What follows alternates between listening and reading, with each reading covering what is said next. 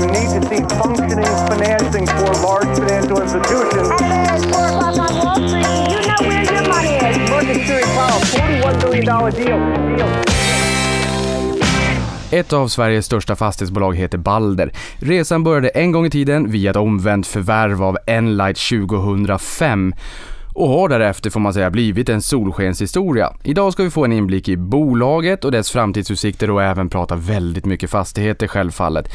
Jag har med mig fastighetsbolaget Balder, det är listat på large cap och har ett marknadsvärde på 72 miljarder ungefär.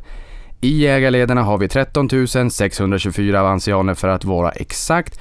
Och med mig i studion så har jag VD och storägare Erik Selin. Varmt välkommen till podden. Tack så jättemycket.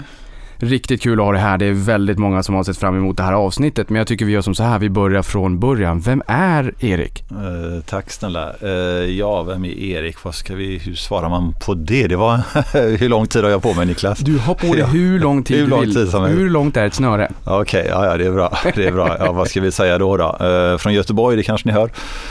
Eh, haft intresse sedan barnsben för företag totalt sett, inte just nödvändigtvis fastigheter men företag allmänt. Och gick och klura på när jag var barn då liksom hur, hur kan man starta ett bolag? Eller ska man köpa ett bolag och varför går något bra och dåligt? Och varför är vissa bolag statliga och andra privata? Och sådär. Eh, och sen då så jag menar aktier som avansianerna som det kallar det köper det är ju bara delar i bolag. Så det är ju naturligt att gillar man bolag så är man ju ofta egentligen intresserad av aktier också. Det hänger ihop. Eller oftast. Så att, ehm, och det började jag titta på slutet på 70-talet, 79 kanske någon gång. eh, När jag var 12. Och då så råkade jag se börslistor och började följa det för jag tyckte det var liksom intressant.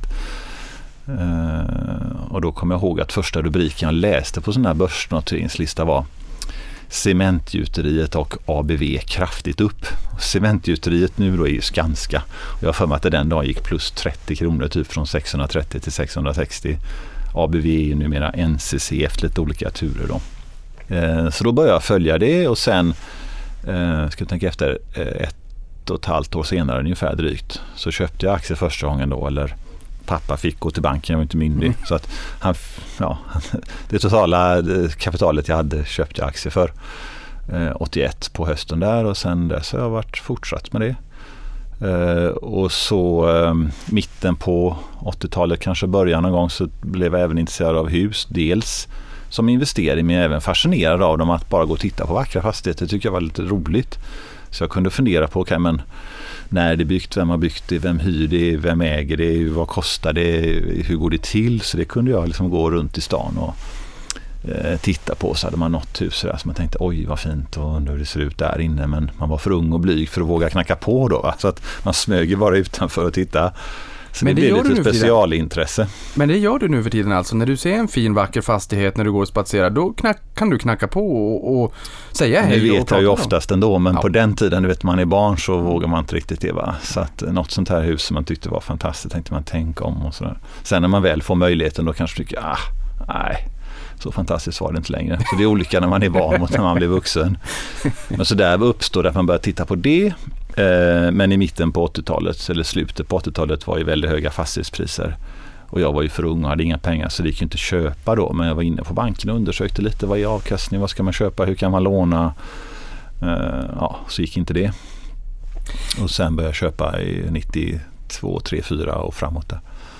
Jag tänker mig någonstans, jag bara reflekterar när du säger sådär att du kan gå runt och spatsera och se vackra fastigheter och att Ja. också kanske smaken är annorlunda idag än vad den var när du var, var ung. Men just det här när man går runt med sina smartphones och hur mycket man missar när man inte har börsglasögonen på sig och kanske bara tittar ner, man kanske tittar ner i en börsapp i Men då telefonen. missar man visar. ändå, exakt va? Man visar väldigt mycket och jag menar 80-talet, glada 80-talet, mycket steg väldigt kraftigt, börsen var upp 15-1600%, mycket inflation och devalveringar såklart. Mm. Men sen ser du att du kom in på men, någonstans kanske mitten eller slutet till och med efter finans och fastighetskrisen på 90-talet.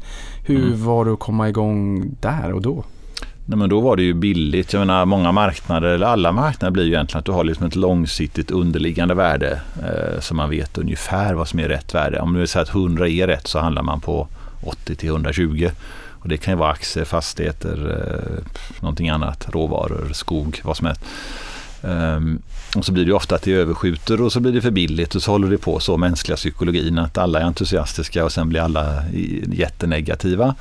Och husen blir ju för dyra slutet på 80-talet och sen blir de ju för billiga då i början på 90-talet. Så det var jag ganska säker på att vet, när hus in i stan handlades på 12, 13, 14 procents direktavkastning så kommer man konstatera att real avkastning 14 procent, det kan inte i längden vara rimligt. Så här kommer det ske en enorm omfördelning av förmögenheter. Men man vet ju inte, tar det tre år, tar det tio år? Det kan man aldrig veta. Så jag var ganska säker på att så hög realavkastning i ett land med egentligen nästan ingen tillväxt dessutom då. Det kommer ju så att säga, nej, det, det kommer vara för billigt. Eh, Eh, förr eller senare. Så då var bara inriktat på att ja, men det här är billigt, jag måste köpa och jag måste ha positivt kassaflöde så jag kan vänta hur länge som helst så man inte blir beroende av att uh, sälja eller någonting sånt. Så fantastiskt simpel idé. Ja, men det är ju oerhört inspirerande att, att lyssna till och det här med kassaflöde kommer vi också att komma in på för det har ju mm. faktiskt skett en transformation i Balder från, mm. att ni, från det här omvända förvärvet av Enlight 2005 till idag från det kommersiella till mycket bostäder och kassaflöde så att man, man får in den här mm. slanten hela tiden som kanske kan fortsätta att faktiskt finansiera er fortsatta tillväxt. Men innan vi går in mer på Balder så är jag ändå nyfiken på dina föräldrar och företagande. Du sa redan i unga år där att du varit intresserad av företagande, varför vissa är privata och vissa är statliga. Ja, hur startar man och kan man köpa det och hur fungerar det och Fick du det hur är olika från... bolagsformer. Men delade du den, den fascinationen med dina föräldrar eller var Nej. det någonting som du hittade själv? Ja. Bara så? Ja. Samma som dig Niklas, du gjorde ju också så. det, det, är faktiskt helt sant, det ja. är fantastiskt. Ibland får man vissa intressen du vet, och det går inte att förklara varför. Och sen hade ju pappa lite aktier men han var ju inte intresserad på samma sätt. Liksom, det var ett sparande och han följde det och sådär men det var inte så att han var läkare så han hade liksom ett helt annat jobb. Eh, så eh, nej, men man blir som man blir du vet och sen så Ja, det är inte så mycket att göra åt det. man blir som man blir, det är inte så mycket att göra åt det. Jag hade inte kunnat säga det bättre själv. Du sa fastigheter, här fascinerades du lite grann av. Aktier kom in där på 90-talet. Men, men, men när tog det verkligt skruv? För du har också en, en, en aktieportfölj med ett flertal olika aktier som vi också kommer komma in på senare här mm, under avsnittet. Men, men, när känner du att det blev liksom en breaking point, att det var mera fastigheter och inte lika mycket aktier kanske, att det var fastigheter som fick den, den största delen av ditt fokus? 93 typ och framåt. Det var kraschen så har det varit. Ja exakt, det mm. kraschade och sen så började jag köpa och sen blir det ju eh, jag har varit väldigt fokuserad på det. Men så har jag alltid haft aktier ändå lite grann och andra investeringar. Jag tycker det är roligt att investera i bolag. Antingen i börsnoterade aktier eller även i vissa fall onoterade investeringar har jag några också. Det är väldigt skojigt, det är trevligt liksom. Så att, eh, och det var därför också Balder blev att om man ändå gillar aktier och kapitalmarknaden så kan man fundera på när man har privat fastighetsbolag, ja men hur är det att göra ett börsbolag? Så var det jag funderade lite på att ja, vi kanske ska göra ett börsbolag. Det kan vara intressant att se hur funkar det? Är det roligt, enkelt, svårt, bra, dåligt? Har du någonsin ångrat det? Nej, absolut inte. Jag tycker det är jättetrevligt. Um, så första idén var faktiskt att göra ett bolag med bostäder och det var kanske ett år innan Ball eller någonting sånt där. Så det var väl några stycken som skulle lägga ihop och notera det. Men sen blev det att det kom bud på vissa grejer och de sålde, ville kanske ha pengar snabbare. Och då blev jag själv kvar och då var det liksom lite för litet att gå vidare eh, med det bostadsspåret. Men då hade jag ju träffat eh, Catella och eh, HQ Bank, SE-banken, lite olika korpfirmor här uppe. Och då sa jag till dem Niklas att ja, men, hör av er om ni har någon idé någon gång så kanske vi gör någonting vid ett annat tillfälle. Det, man vill ju alltid göra affärer, det kastar man alltid ur sig. Och sen i december 04 så ringde Catella och sa att ja, men nu har vi ett bolag då, Enlight, som egentligen vill lämna börsen för de hade inte så mycket verksamhet kvar efter förlorat på olika saker. Eh, så för dem var det liksom lite dyrt att vara noterade och de hade underskottsavdrag och sådär som de inte kunde använda egentligen i rimlig tid. Så för deras aktieägare var det bättre då att gå till en mindre lista, slippa kostnader och få in en verksamhet som kunde generera pengar. Så att och då så sa Catella, har du någon idé? Ja, men jag ska tänka lite. Och då skickade jag ett fax som jag gjorde på den tiden, handskrivet. Jag skrev ner, det här har jag i Göteborg, Malmö, bla bla bla. Uh, ja, och så faxade jag det till dem. Och det var så, ja, så träffade jag dem och så sa jag att vi borde lägga till Stockholm. För, att, eh, för innan åkte jag bara Göteborg och så E6 söderut. jag höll mig där. Jag tänkte att det var lagom liksom. Ja, du, så, ja, och sen så, ja, december 04, sen sa vi då ska vi vara klara innan midsommar 05 och det var vi exakt. ja, och den Så det var luststyrt och roligt och trevligt och som sagt jag fick inga pengar för att jag bytte min equity mot Balder-aktier som det blev då, eller Enlight som bytte namn till Balder. Så att jag har aldrig fått in någon, några cash liksom själv utan eh, det är bara styrt av att eh, det är roligt. Ja, men jag älskar ju långsiktighet. Mm. Eh, och det här är en fråga som jag tänkte ta senare, men vi tar den nu. Mm. Ehm, du badar i pengar och du har aldrig delat ut pengar från Balder. Uppenbarligen så är du inte intresserad av den typen av snabba pengar. Du var sist kvar i det här bolaget. Mm. Jag tolkar det som att du kände att nej, jag, vill, jag vill fortsätta med det här, jag vill driva det långsiktigt och det gjorde du ju helt rätt i. Mm. Men vad är det som får dig att gå upp på morgonen, liksom det här nu ska jag lägga nästan orden i munnen, men den här Mm. liksom glöden och man känner att man vill göra affärer, man vill följa med informationsbruset, det är roligt, det är en, säkert en stark kultur på bolaget och så. Va, vad är det som gör att det fortfarande är så roligt? Jag tror att en del av mina lyssnare kan fundera kring som, vad är det som får en att, att, att fortsätta driva när, när just den monetära biten är borta? Det är inte det som, som kanske längre driver, eller så kanske det är det. Nej, men monetära biten tror jag i många fall försvinner ganska snabbt faktiskt. I mitt fall till och med väldigt snabbt då. Det beror ju på vad du har för intressen eller behov och sådär. Så Men tak över huvudet och mat på bordet i alla fall, att man vet att det är ganska klart. det klarar man, men dit når du ju liksom ändå hyfsat fort om man säger så. Det är ju ändå inga gigantiska summor du behöver om du bara vill så säga, överleva. Så den når man ganska snabbt så att det har nog inte varit så mycket drivkraft i sig att säga att ja, men nu ska jag tjäna pengar och ha mest pengar på banken när jag dör. Det är ju ingen helt meningslöst egentligen. Inte rikast på kyrkogården. Nej men det är ju ingen idé. Eh, så jag tror att man når den gränsen ganska fort. Eh, så sen är det mer att det här är liksom en mm, fanatism, en passion för någonting som jag tycker är roligt. Och det är intressant att liksom utveckla det och jag får ju göra det som jag vill. I princip, det är ju ett börsbolag, det är klart man följer regler som har med notering och sånt att göra. Men menar, i övrigt så kan jag styra min vardag väldigt, väldigt, väldigt eh, flexibelt. Så det är att det är roligt, det är liksom luststyrt, det är en passion. Så att eh, jag, jag tycker att det är, och det är också enkelt. Alltså, det är ett ganska lätt jobb. Jag menar VD är ett lätt och bra jobb. Du får välja mycket vad du gör, du får uppskattning och liksom. Så det är också på ett sätt väldigt eh, förmånligt. Och sen har vi sån kontinuitet i Balder, du vet. Ägandet är stabilt, styrelsen är stabilt, ledningen är stabil. Så det är väldigt eh, lite konflikter inbyggt i systemet. Ja, för mycket energi kan jag tänka mig också har gått åt internpolitik så det är bra att det inte finns. Men, Det men- finns men inte så mycket som det skulle kunna varit. Nej. Liksom.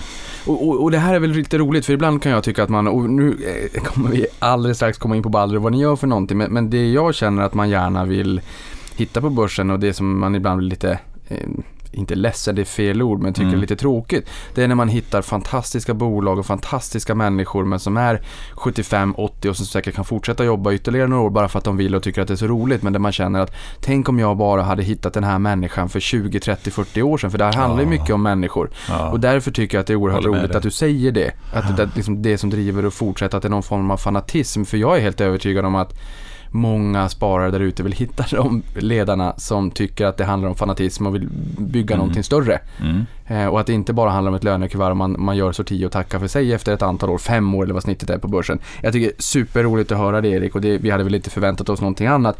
Men berätta mer om Balder. Nu förstår vi att det handlar om fastigheter, men vad gör ni för någonting? Nej men det är ett fastighetsbolag precis eh, som då finns i Sverige ursprungligen så, såklart och det är vår största enskilda så att säga, marknad där vi har mest investeringar. Men vi finns även då i de andra nordiska länderna Norge, Danmark, Finland och sen lite lite grann i England, Tyskland och Ryssland. Men i princip kan du säga att det är ett nordiskt bolag och hälften drygt är väl svenska tillgångar. Och så är det alla fastighetskategorier så att det är kontor, bostäder, hotell, eh, så kallade samhällsfastigheter, eh, helägda fastigheter, också mycket delägda bolag. Eh, större och större utsträckning även projekt, nybyggnation. Utveckla detaljplaner, bygga framförallt bostäder. Både hyresrätter och bostadsrätter. Då. Så att det är väldigt brett på det sättet att det kan vara egentligen vilka hus som helst och det kan vara hel eller delägt. Men geografiskt är det ganska fokuserat till då huvudstäderna och storstäder. Eh, men vi har inte någon absolut geografisk avgränsning. Men Det är ganska svårt att ha kanske ett enda hus på en ort och ingenting annat. Det blir svårt att sköta det. Eh, så det är en väldigt enkel affärsidé i sig. Att, eh, så jag försöker titta på allt som dyker upp. Jag får kanske ett par, tre, fyra, fem förslag om dagen på olika affärer. Och så blir ju mitt jobb att försöka välja ut. Vi har ju begränsat med pengar så jag kan inte tacka ja till alla. Jag måste ju välja vad vi ska köpa. Så mitt jobb blir att sortera ut här. Men vad är bra? Niklas har en Balder-aktie. Då tänker jag att du ska behålla den i 20-30 år. Ja, gärna mer. Mm Men något sånt. Och då tänker jag, vad är bra för Niklas? Han ska vara kvar här 20 år. Vad är bra att lägga till portföljen? Och då blir det att man liksom värderar lite relativt. Ska Flemming bygga till hus i Danmark? Ska jag köpa något i Göteborg eller ska vi ta något? Och så ska jag tänka ut, ja, men vad blir bra för en långsiktig aktieägare? Så det är en blandning av absolutavkastning och portföljtänk lite grann. Att, som när du gör en aktieportfölj. Det är egentligen väldigt snarlikt fast skillnaden är då att ja, vi driver ju tillgångarna operativt. Har du en aktieportfölj så gör du inte det. Men annars är det ganska samma tankesätt att du sitter och tittar på hela börslistan. Och så ser du varje dag olika aktier, olika kurser, det kommer rapporter, det kommer... Oh, sitter du och tänker, ja men vad ska jag fördela mina tillgångar? Och så gör jag också. Eh, faktiskt. Och då med utdelning som du sa så har vi inte delat ut förutom en gång och det var också, alltså när Balder var nytt så sålde man in fastighetsaktier på att det skulle vara hög direktavkastning på aktien. För det var det då för att, eh, förutom vi då, men annars så var det det för ganska låga värderingar och så. Men jag kände återigen att ja, men för långsiktiga ägare så kommer det vara bättre att vi investerar vidare. Så det var ganska kontroversiellt då som nytt bolag. Så att ja, men, vi ska gå precis tvärs emot alla andra och alla experter och så. Och inte dela ut pengar då när man säger att det var det man skulle sälja in aktien på. Men jag kände att ja, men tiden kommer nog hjälpa mig. Så det är klart att ha historik är bra. Så jag gick och tänkte att det blir fint när vi har kört tio år. Då kan man ändå dra ut kurvan lite. Och jag är själv aktienörd fortfarande och tittar på alla möjligheter. Och då tittar jag, man ska ju, jag menar värdet av en aktie är ju framtida intjäning såklart. Men jag tycker ändå det är intressant att kolla bak tio år också. Men det är sällan kanske så mycket värt att kolla bak 20, 30, 40 år. Det kan vara roligt att göra det. Men det är inte så att jag kan tycka att jag kan dra jättemycket slutsatser av vad som hände för 30 år sedan. Men 10 år är ändå liksom relevant period. Så jag kände att ja, men 10 år blir skönt nu vi har haft. Eh, men, här tänker jag också med utdelningen, för i och med att du sa vid ett tillfälle och, och det, var 2008. 2008, finanskrisen. Och det kan väl säga... Nej, men det var så här att mm. eh, även om vi säger att vi ska nettoinvestera över tid, eller det är målsättningen, så var det så att 2007 blev vi faktiskt nettosäljare för att vi fick väldigt bra bud på några hus, sålde dem och vi sålde av lite annat. Så även om vi sa att vi ska växa över tid så var vi då faktiskt nettosäljare. Kommer du ihåg, för 13 juli 2007 började börsen vända ner. Ja, det kommer jag inte ihåg. Nej, nej, men, det, men att det var 2007. Men det var 2007 och ni kunde sälja mycket. Marknaden var ändå fortsatt lite het. Fastighetsmarknaden var stark, ja precis. Så vi var nettosäljare fast vi egentligen ville vara nettoköpare. Och då blev det ju liksom att balansräkningen blev lite starkare och så hade ju alla sagt att ja, men man ska ju dela ut liksom. Och då kände jag att ah, ja okej. Okay. Så då delar vi ut en krona och omräknat då att jag har delat den på sex. Så med mm. dagens kurs så är det 16,7 öre om man räknar om det. Okay. Och egentligen var det irrationellt också. Det var mer än att du vet att så skall man ju göra liksom. Och så hade jag väl svagt ögonblick och sa att ja, men då delar vi ut lite då för att ja. ja men det är ju intressant när jag men, varit contrarian Det finns också. ingen bra förklaring på det egentligen. Det bara blev så egentligen. Ja, vi har varit contrarian ofta ja. För ni har men ju kunnat sen... sätta pengarna i arbete. Ni har ju faktiskt kunnat sätta dem betydligt bättre i arbete än vad säkert många kanske hade kunnat göra om man hade fått ut den där slanten. Sparkonto är ju inte, det är ju inte att ens fundera på. Nej. Men, men, ni har ju ändå lyckats förränta dem där väldigt bra så att ni har ju gjort helt rätt. Ja, det har varit bra hittills absolut. Men sen ska man ju inte säga att det alltid ska vara så. För det hör jag ibland, men Erik du gillar inte utdelning. Jag säger, jo men så, ska, så är det inte. Men jag föredrar att kunna återinvestera. Men om inte det går, då kan man ju säga i just Balders fall då, kan man säga att okej okay, vi kan ha starkare balansräkning alltså lägre belåning. Men det kan man ha till en viss gräns kan jag tycka. För blir den otroligt låg så kanske jag missbrukar det egna kapitalet. Om vi skulle ha 10% belåning exempelvis med den låga riskprofilen så blir det liksom, ah, det kommer ju sänka aktieägarnas avkastning. Och då blir det om vi säger att vi hamnar i ett sånt läge, vi tycker alla, eh, vi tycker husen är för dyra för att köpa eller vi hittar inget att investera i. Ja men då kan vi ha starkare balansräkning ett tag men till sist kommer ett läge okej, okay, ska vi dela ut eller köpa tillbaka aktier då om vi inte kan investera. Skulle Så jag är köpa... inte emot utdelning egentligen alls. Det är bara att jag tror i vårt fall så är det bättre för de långa ägarna att vi kan. Vi är fortfarande lite bolag, vi har mycket att göra. Så att, eh, Men ni skulle viss- kunna eh, återköpa aktier för att distribuera värde till ägarna teoretiskt sett. Absolut. Ja. Jag gjorde det 2008. Mm.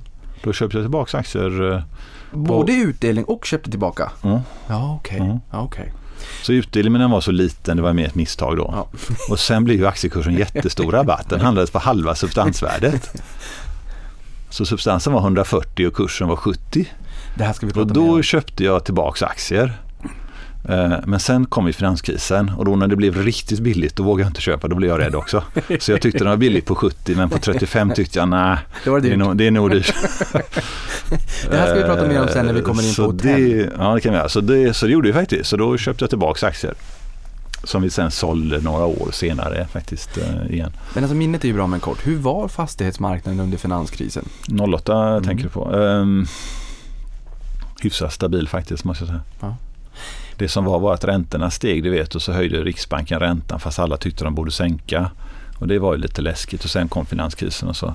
Men underliggande fastighetsmarknaden var ganska stark och går du tillbaka till Balders rapporter och kollar 2008 och 2009 så kan du säga att vi fick inte mer vakanser eller mindre driftsnetto, tvärtom snarare. Nej, det där är riktigt Så intressant. vi gick eh, bra där men när det var sån osäkerhet så blir man ändå skraj för att jag trodde ju inte att vi skulle ringa banken och säga att vi betalar inte ränta amorteringar men vad händer om hela Swedbank skulle gå under eller någonting annat? Vad blir effekten när man ändå är beroende av att låna så mycket pengar? Mm. Och den kände jag att ja, men den går inte att överblicka för det är ju något helt utanför ens kontroll. Så det är viktigt att bankerna är stabila. Alltså för, som kund är det viktigt att banken är stabil faktiskt. Och det hör man ju ibland att banker ska ta mer risk och de är dumma och allt möjligt. Jag håller inte riktigt med om det. En bank ska inte ta risk egentligen. Det är, inte, det är ju andra, andra pengar som ska ta risken. Bankutlåning. Nej, det där är superintressant. Men jag undrar ju också lite grann, vart kommer namnet Balder ifrån? Ja, då var det ju så om vi backar tillbaks till 2004. Eh, Catella, jag faxar, vi ska göra ett börsbolag här, rafsa ihop. Och då måste man ju ha ett namn. Eh, och det är ju inte så lätt liksom, om man säger till hitta på ett börsbolagsnamn nu liksom. Det är inte jätteenkelt och så är det namnhinder och Bolagsverket och så. Och då ringde jag Erik Paulsson som jag kände sedan några år tillbaks. Peab, ena Peab-brodern. Eh, och då sa jag det att, ja, men har du något namn Erik eh, för att vi ska notera och hit och dit. Och han var också med från början eh, lite grann som investerare. Och då sa han det ordagrant, jag ska se vad jag har i mitt kartotek Erik, sa han. Och då hade han ju köpt upp Drott, Balder, Näckebro, Granit och Betong, Prifast. Alla de här namnen låg ju i Wihlborgs som det hette då. Som innan man delade det på Fabege Wihlborgs så hette det bara Wihlborgs.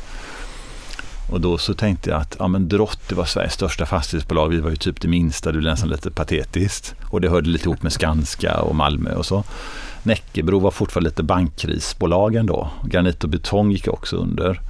Prifast hörde till Axel Jonsson-sfären. Men då kände jag Balder, men den var lite snäll liksom. Men den kom från Stadshypotek, delades ut. Uh, ja, Stadshypotek var också lite snällare i uppfattningen. Så sa jag att ja, men då kan jag gärna ta Balder om jag får Erik och så fick jag det av honom. Det här är Faktiskt, gratis. gratis till och med. Gratis. Nej, för där Ja. vet jag, jag var med på någon direktlistning på, på eh, Nasdaq nere i Frihamnen. Jag blandade alltid ihop Frihamnen och Värtahamnen med Frihamnen. Ja. Och då var det en av bröderna Paulsson som var där och ringde i klockan och han sa att de hade varit med och byggt Nasdaq Frihamnen. Ja, Den gjorde de. koken, Ja, det- i börsen. byggde den. Ja, det stämmer. Wihlborgs byggde den. Det stämmer det. Så jag fick det av honom. Men Balder, ursprungsnamnet var en göteborgare som hade som hette Ingmarsson och när Stadshypotek då skulle dela ut Balder så var ju allt klart och si och så prospekt och sen kom någon på att ah, men vi har ju inte namnet. Men då var han faktiskt så schysst att han släppte det till Stadshypotek. Han jobbar som jurist på SE-banken då. Och sen någon gång i julas så mejlade hans son till mig. Jag har aldrig träffat honom här, de här innan. Jesper hette han och skrev ja, men ballet, namnets historia hit och dit. Och då svarade jag på det att ja, men du har ungefär rätt men inte helt exakt. För då hade jag genom en bekant hört talas om Jespers pappa. Och Jesper hade då ett hus som han sa att jag såg att Balder har grannhusen så du kanske ska köpa det också. Så då fick jag sen med hans pappa som nu är 80-85 en söndag. Och jättemysigt. Vi satt flera timmar och skrockade om gamla tider och gamla bekanta. Och så köpte vi det huset också. Det är ju fantastiskt. Mm, skojigt va? Det, nej, men, ja, men jag får lite grann den känslan av dig. Eh, och också att du tycker att det mänskliga, liksom, det personliga mötet är väldigt viktigt. Och det är helt fantastiskt roligt. och det är någonting du Det har... är priceless, eller hur?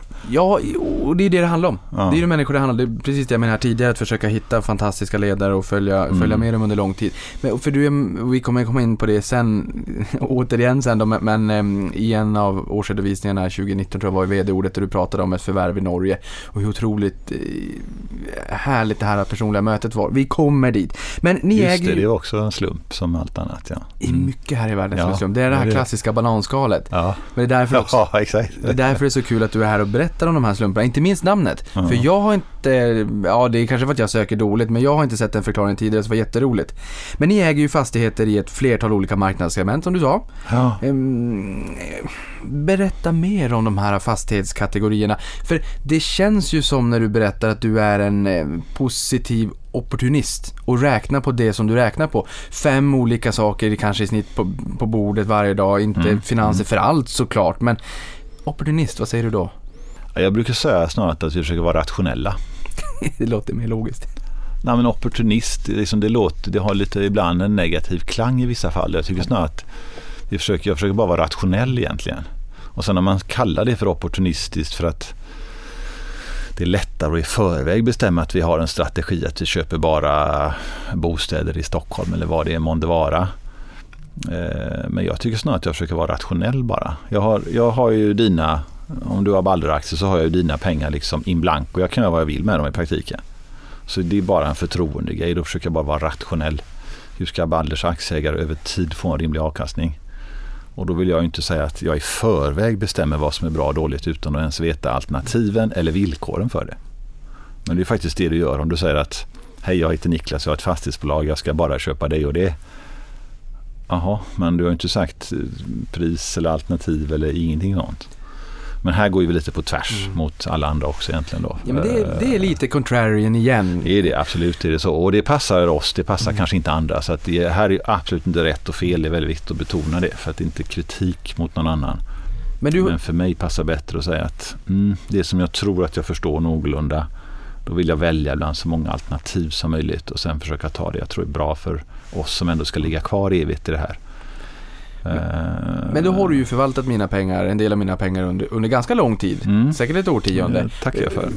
Tack, Mm. och det har varit roligt att vara med på den här resan. Men, men jag har tänkt, åh, att det har tagit tio år innan jag, innan, innan jag har bjudit hit dig och berättat om den här resan. Men nu är du ju här. Så jag tänker den geografiska mixen. Mm.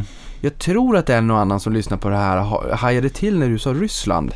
Ja, precis. För det är ändå ganska långt bort i förhållande, eller långt, det är det väl inte alls. Det är väl en timme, en och en halv med Sankt flyg kanske. Petersburg är inte så långt bort. Men, men, Men, vad, eh, fick, vad, vad var upprinnelsen till det? nej, det kom med i en paket. Okej, Ja. okej. Det är så du vet om du köper ett bolag så är det 100 hus så kanske du vill ha 95 men du får välja på 100 eller 0. Ja. Och då kanske man säger, ja men då tar jag det. Så det kom med i vårt finska bolag. Eh, finns i Sankt Petersburg. Men- Men, det motsvarar, vad kan det vara i Balder? Det är inte ens en procent av att det är kanske en halv procent. Alltså det är så lite så att det inte, om det går bra eller dåligt kommer inte påverka. Eh, men det följer med. Men är det en marknad som du tycker är spännande, som du hade kunnat eh, växla upp Nej, i? vi har inte gjort någonting. Nej. Alltså det, det fanns när vi köpte det och så ligger det som det ligger. Så att eh, det är svårt att sälja, det är sanktioner och det är lite krångligt och sådär. Så vi säljer inte, vi köper inte mer men det är som sagt det är en yt, ytterst, ytterst lite. Det är bostäder bara också. Men reser vi västerut, Mm. då klev ni in i Storbritannien, i London, Mm. 2019. Mm. Och det här är en marknad som ni har hållit ögonen på en liten tid om jag förstod det Mm. hela rätt. Vad var det som lockade där då? Brexit. Mm. För jag tänkte då kanske det blir att eh, det blir lite mer rädsla och pessimism. Och som vi sa innan vi började här att egentligen är det ju bra när det är billigt saker och ting. Det är ju egentligen, alltså, ja, så Brexit tänkte jag det kanske ändå blir lite press på marknaden då. Att en del inte vill vara med och en del kanske får regleringar som gör att man inte ska vara där. Men sen blev det aldrig egentligen jättebilligt. Det har inte blivit det. Så det är en väldigt stark marknad i London. Även nu när det är så mycket lockdown och tomt. Så det är väldigt stark marknad. Vi har bjudit på lite hus där fast vi har inte gjort affär. Men det är fortfarande väldigt starkt investerarintresse. Så vi har gjort två affärer. Men vi har varit nära flera faktiskt. Så det är lite det att det ser ju inte du för att jag skriver ju inte att jag misslyckades med tio affärer. Jag kan ju slippa att berätta det för dig. Men det är det vi har gjort. Att vi har på, nära har väldigt många där, både bolag och fastigheter. Men så har vi inte riktigt räckt, eller inte egentligen velat betala. Vi har tyckt att ah, det är ändå så starkt och blivit lite dyrt då. Så att nu har vi de två och då är vi med där och vi får lite förslag och ja, vi får väl se, hittar vi något bra? Återigen, det gäller att välja då, vad, vad lägger vi liksom den här kakan? Men i något läge kan det säkert bli intressant att göra lite mer. Och, så vi har lite diskussioner igång alltid där borta också. Det är ju som ekonomi i stort hushåll med begränsade resurser. Ni har de, de, slantarna, ni har väl sätta i arbete och då får du hela tiden väga för och nackdelar. Ja, Finns det någon exakt. annan marknad som du känner att som ni inte är, har närvaro på idag men som ändå är lite intressant? För nu har jag förstått att du är lite mer bottom-up och inte top-down. Mm. Mer bottom-up, kolla fastigheten, kolla ehm, är det här en bra affär och då kanske det blir intressant att du då går vidare. Inte top-down, vi ska ha eller inte ha Ryssland, då går vi dit. Ehm, men, men finns det någon marknad du känner ändå, om det är mer av ett top-down perspektiv, att det hade ändå varit lite intressant kanske att kika på den marknaden eller Nej. köpa någonting? Nej. Nej. Nej. Nej, det är pure på riktigt bottom-up, okej. Ja, nej, men vi är i Norden och så har vi det andra och jag känner inte riktigt att jag har eh, kraft och energi att åka runt till en massa andra länder just nu som, eh, nej. Eh, Ni tog ju som sagt in på börsen via det omvända förvärvet av Enlight 2005 och i årsredovisningen från 2006 så står det att läsa att fokus var kommersiella lokaler och att fastighetsvärdet vid utgången av 2005, då backar vi bak ytterligare ett år då, var 2,7 miljarder. Eh, nu senast då var det 151,1 miljarder då i Q3 eh, 2020, alltså 56 gånger högre. Samtidigt så utgjorde ju bostäder 59% av Just det. fastighetsbeståndet. Vad är det som har föranlett det här skiftet över tid? Jag känner lite Korsnäs i gamla Kinnevik, kassako, kassako, ja. finansiera. Berätta. Det är ju gött ju. En kassako Det är gillar vi. Guld, det är en guldko. en Ja, faktum är du som är så påläst kan se om du kollar alla från första början så skrev vi då att det var kommersiella fastigheter och att vi har lite bostäder någonting skrev vi och så skrev vi att fördelningen kan förändras över tid eller någonting sånt där. Check formulering finns det från allra första början. Så det var en tanke redan då? Ja, absolut. I, I privat regi så hade jag typ 30-40% bostäder och kanske 60-70 kommersiellt. Men när vi gjorde Balder så var det lite grann att priserna på bostadsfastigheter var mer att man tittar vad kostar det om du gör det om det till bostadsrätter. Så då blev det för mig att sälja in det till bostadsrättspris. Då blev liksom avkastningen för låg. Men skulle jag sålt in det på så att säga, för lågt värde, det hade blivit konstigt för mig att säga att ja, men nu ska jag skicka in hus på fel pris bara därför att. Liksom. Så att därför tog vi inte med det. Så de bostäderna jag hade de gick inte in i Balder utan mina kommersiella gick in i Balder. Och sen så gjorde vi ett bostadsbolag ett år efter som hette Din Bostad. Så var jag största ägare i det. Och sen finanskrisen 2008-2009 så landade vi att vi slår ihop dem. För då trodde jag att krisen skulle bli ändå längre, mer utdragen, svårare. Och så tyckte vi att vi har två småbolag. Det är kanske bra att slå ihop dem så stöttar vi varandra och liksom sparar kostnader. Och... Så det blev väldigt bra. Så egentligen efter det blir det ungefär hälften av varje. Och så har vi legat ungefär där. Eh, men det måste inte vara där, men vi tycker det är ändå bra.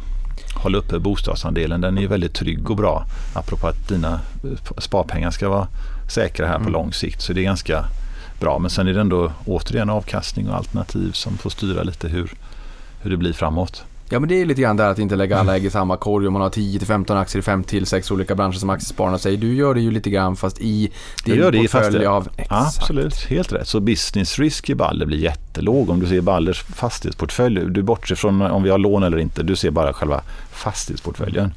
Så blir den jättesäker just på grund av att olika tillgångslag, olika orter, olika länder. Liksom, alltså, det är klart att det går inte jättebra eller jättedåligt helt plötsligt på hela portföljnivå. Så det är ju en avsiktligt jätte, jätte eh, låg risk eh, tillgångsmassa, så är det. Men, men hur gammal var du när det här ändå drog igång och hur fick ni på plats finansieringen till det första köpet? Du tänker på 90-talet? Men fast, första, när Från fastighet, första början? första fastighets, första eh, I du köpte? starten om man säger. Ja, nej, men det var eh, delvis eh, en förklaring var att jag i och för sig inte, jag hade inte så bra kunskaper. Så jag visste ju inte att du skulle ha massa eget kapital, för jag hade ju inte det. Så jag utgick ju från att det här måste gå för att det är så billigt. Liksom. Ja. Så kalkylerna var egentligen jättesäkra för att visst 100% lån kan ju låta farligt men om underliggande tillgång är väldigt billig så kan ju 100% lån vara lika säkert som 50% lån. Jag menar, Ja. om du köper något för 100 och lånar 100, ja det är 100% lån men den hundralappen plötsligt för det är 300 allt annat lika. Så har du 33% lån men egentligen är allt samma. Så det låter liksom värre än vad det är och det vet var så billigt. Så att, eh, och i, vissa, i många fall var det så att bankerna satt med finansieringen och många av bolagen hade gått i konkurs eller var i likvidation eller man ville dra ner balansräkningar. Det var rea. Ja, men det var också lite grann förtroendegrej då att, okay, att banken ska tro på att ja, men, vi, vi hoppas att Erik sköter det här bra och då är de ju safe så de tog rationella beslut men eftersom det ofta fanns så mycket finansiering med så var ju grejen att man behövde få ta över den och lite ny finansiering också. Men mycket var övertag av finansiering och då är det trovärdighetsfråga. Och då kan man säga att ja, men jag jobbar ju dygnet runt gratis så det var ganska rationella beslut. Men det hade varit svårt om, om alla hus jag köpte hade varit obelånade när jag tittade på dem. Då hade det inte gått så fort. Absolut inte. Absolut inte. Så det var en lite tur då också. Att Ja, men det här tycker jag är det satt jätteintressant. så mycket krediter i systemet och då är det ja, det här bolaget i likvidation eller konkurs eller på väg. Ska vi låta det ligga eller ska vi ge det till någon nu som går in för detta med liv och lust? Och, ja. Ja men det jag menar med rea också lite grann att bankerna kunde inte sitta med det där i egna balansräkningar. Jag, menar, jag vi tycker vi har sett det här under eh, den jobbiga period vi såg i Europa med, med den statsfinansiella sku- eh, krisen i Europa eh, som föranledde många spanska bostäder med för mycket reklam Mm. från Santander med, med, med flera. Att köp den här bostaden, det är superbra pris, du får 1% ränta i 30 år. Och de kastade bostäder över den för att de, de, de vill inte sitta med dem i egen bok. Lite åt det hållet men de Ja, trodde lite på så dig var ändå. det. De trodde ändå att man fick finansieringen då. Men de agerar ju helt rationellt. Det, det gjorde de faktiskt. Det var ju Mm. Helt rationellt beslut. Liksom. Det var inget konstigt. Och Hur gammal var du här? 20, ja, vad ska jag säga, 26, 7 någonting. 26, 7. För du har ju vikt ditt liv till det här. Mm, absolut. Det var helt rätt gjort av dem. Mm. Ehm, Så, att, nej, men så det är lite också lyckliga omständigheter. Du vet. för, Och just att det var så billigt. Du vet. Det är ändå det för när, när, ehm, när ni drog igång så har jag förstått att en del såg dig som ett oprövat kort varpå du ehm, förärade, som man då får säga, med en förtroenderabatt på marknaden. Mm. Nu för tiden är det tvärtom. Mm. Och, och nu borgar ju också ditt namn för kvalitet och förtroende samtidigt som, som mig veterligen på börsen i alla fall att ni har blivit störst också i termer av börsvärde. Mm. Nu så har vi väl börsvärdet runt 72 miljarder och, och eh, värdet på fastigheten är runt 151 miljarder då. Men vad är din bild av det här? Berätta om den här förtroenderesan som, som kanske var en förtroenderabatt från början och som sen eh, i mångt och mycket har blivit en, en premie. Men jag tror att det är mycket tiden där då. Det låter ju lite sådär diffust. Du vet, nytt bolag från Göteborg till råga på allt. Där ändå var liksom fastighetskrisen innan var lite epicentrum. De som kommer ihåg eh, början på 90-talet. Eh, och så lite då diffus strategi. Eller vi kallar det ju rationellt men jag kunde inte förklara det lika bra då. Eh, så då blir det liksom taffligare förklaringar. Och det är klart, då kan jag ju förstå att om du är institution tycker jag men det här är ett nytt bolag. Och Erik vet inte vad han ska köpa, inte när och inte var någonstans. Och liksom, ja, men det låter ju inte sådär, det klingar ju inte sådär superbra. Eh, Men jag var trygg i att tiden hjälper mig. Så jag kände att tiden är ändå på min sida. Så att vi fortsätter på det här. Och när det har gått lång tid så kommer jag dels kunna förklara det bättre. Nu kan jag öva på det. Jag tycker jag gör det bättre än innan. Och, eh, eh, och då kan man också följa det som sagt, det blir ändå relevant när du kan se tio år. Men det är fortfarande en del som absolut inte gillar Balder därför att man vill själv säga att jag vill köpa bara handel eller bara kontor eller bara bostäder. Och så ska du som placerare då säga att nu köper jag kontorsbolag eller bostadsbolag. Eller, så en del gillar inte Balder då just för att de tycker att de själva vill göra den allokeringen mellan olika delar i fastighetssektorn. Ja, Och det kan jag också förstå i och för sig. Om du säger att jag är supervass på att se vilka trenderna går, vilka segment bäst. Ja, då ska du hoppa mellan olika och egentligen inte ha Balder som blir lite mer av en indexaktig eh, tillgång då. Så att en del, framförallt utländska institutioner, tycker att nah, we don't like this but uh, maybe you're the exception. Ja, men, nej, men, nej, men så här tänker jag. Men så här, många brukar säga, men eh, bra nybörjaraktier, investmentbolagen och det är bra aktier för, för väldigt många. Ja, det är De har det. ett fantastiskt track record egentligen oavsett om det är 5, 10, 15, 20 eller 30 Ja, år. och det går aldrig helt galet. Liksom inte om du tar typ Investor Industrivärden och de här stora.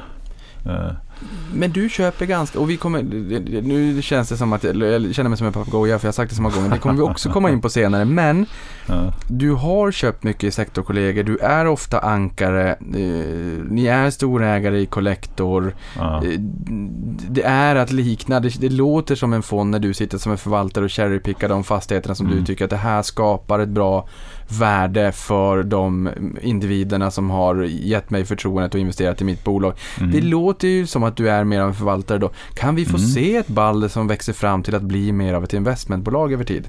Jag tror inte det. Det finns faktiskt många aktieägare som vill det, ska du veta. Ja. Mm. Så det är väldigt många som tycker att varför gör du inte det? För du verkar ändå vara rimligt bra på att hitta andra investeringar också. Så propåerna kommer ganska ofta från sådana som tycker att det borde du göra. Men jag tror ändå inte det, för det blir liksom, vi har så mycket kvar att göra där vi är. Så jag ser inte riktigt faktiskt poängen med det. Nej. Så jag, min gissning är nej på det då. Men man ska ju aldrig säga aldrig, alltså allt kan hända. Om det någon gång finns något som gör att det absolut vore jättemycket bättre för aktieägarna. Så ska vi inte heller säga att bara för att jag har sagt någonting en gång så ska vi hålla på det även om det egentligen är fel. Liksom. Så att man ska alltid kunna ändra sig. Tror det inte, men det är en bra fråga. Jag Ja, får men- den ganska ofta. att eh, Varför inte? Liksom. Nej, jag tycker att det är bra att du säger också att det finns väldigt mycket kvar att göra. Det ger god Jättemycket. Vi tillförsikt. bara, ja, ja, vi är små, vi har bara börjat. Bara börjat. Förutom bostäder så utgör kontor 18% av fastighetsmixen och det höjs ju röster som menar att vi aldrig kommer att gå tillbaka det vi innan pandemin kallade för normalt. Jag älskar att vara på kontoret och se kollegor. Det är klart att vi inte är många här, det, går inte att vara många här. Men, men alltså det måste bubbla under ytan. Man är så sällskapssjuk. Erik, Ja, vad är Ja. din syn? alla säger som dig. Ja, bra. Ja.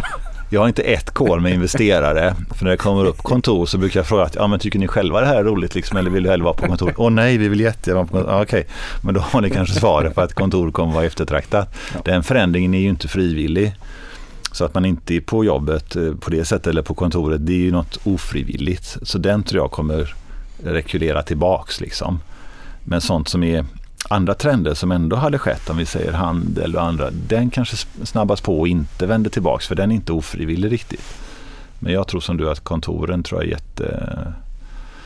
Det går inte att bygga kultur och det är, inte, det är svårt att sitta hemma. Jag menar, en del tror jag kanske grejar det och ett fåtal kanske till och med gör det bättre men jag tror det är väldigt få.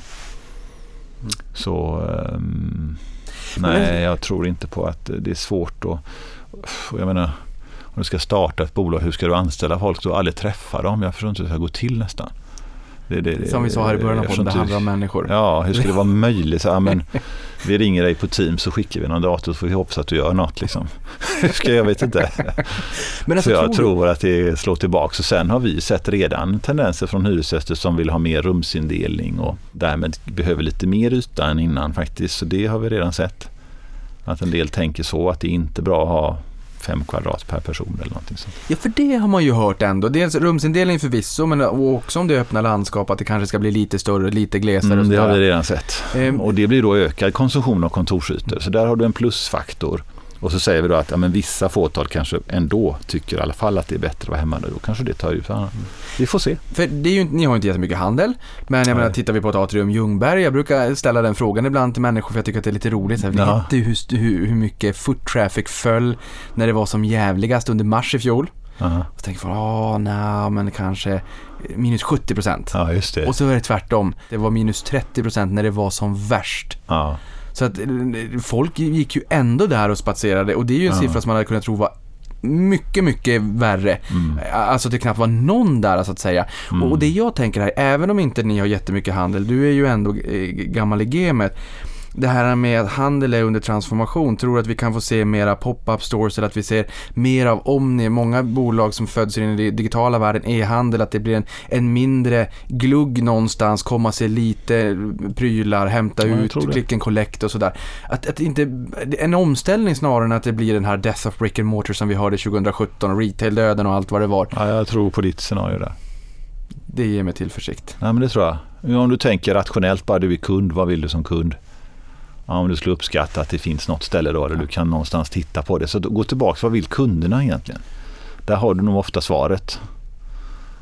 Eh, och sen blir det då kanske lite mer, menar, kaféer och restauranger och nagel och salonger. och- Ja, service det omvandlas lite och vissa handelsplatser kanske tippar över om de tappar lite stora hyresgäster och får bli något annat och sådär. Men jag tror inte att vi gillar ändå att gå ut och liksom träffa folk och titta på grejer och det är liksom en underhållning och ett nöje och om det kostar några kronor mer eller inte, jag tror inte den, den blir inte noll liksom. Och, eh, så det är ju sällan så svart eller vitt som man vill framställa det. Men jag menar media bygger lite på att det ska vara katastrof eller det ska vara, för annars får du inte klick och läsa det. Om vi säger att Ja men det är ungefär hyfsat som det brukar vara. Det blir helt ointressant artikel.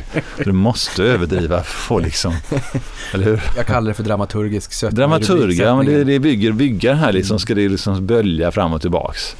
Eh, Men någonting annat som vi sa här tidigare, där det också bubblar, det är ju klart, vi, vi fick siffror här från reseindustrin att det fortsätter bubbla. Många vill ha sand mellan tårna.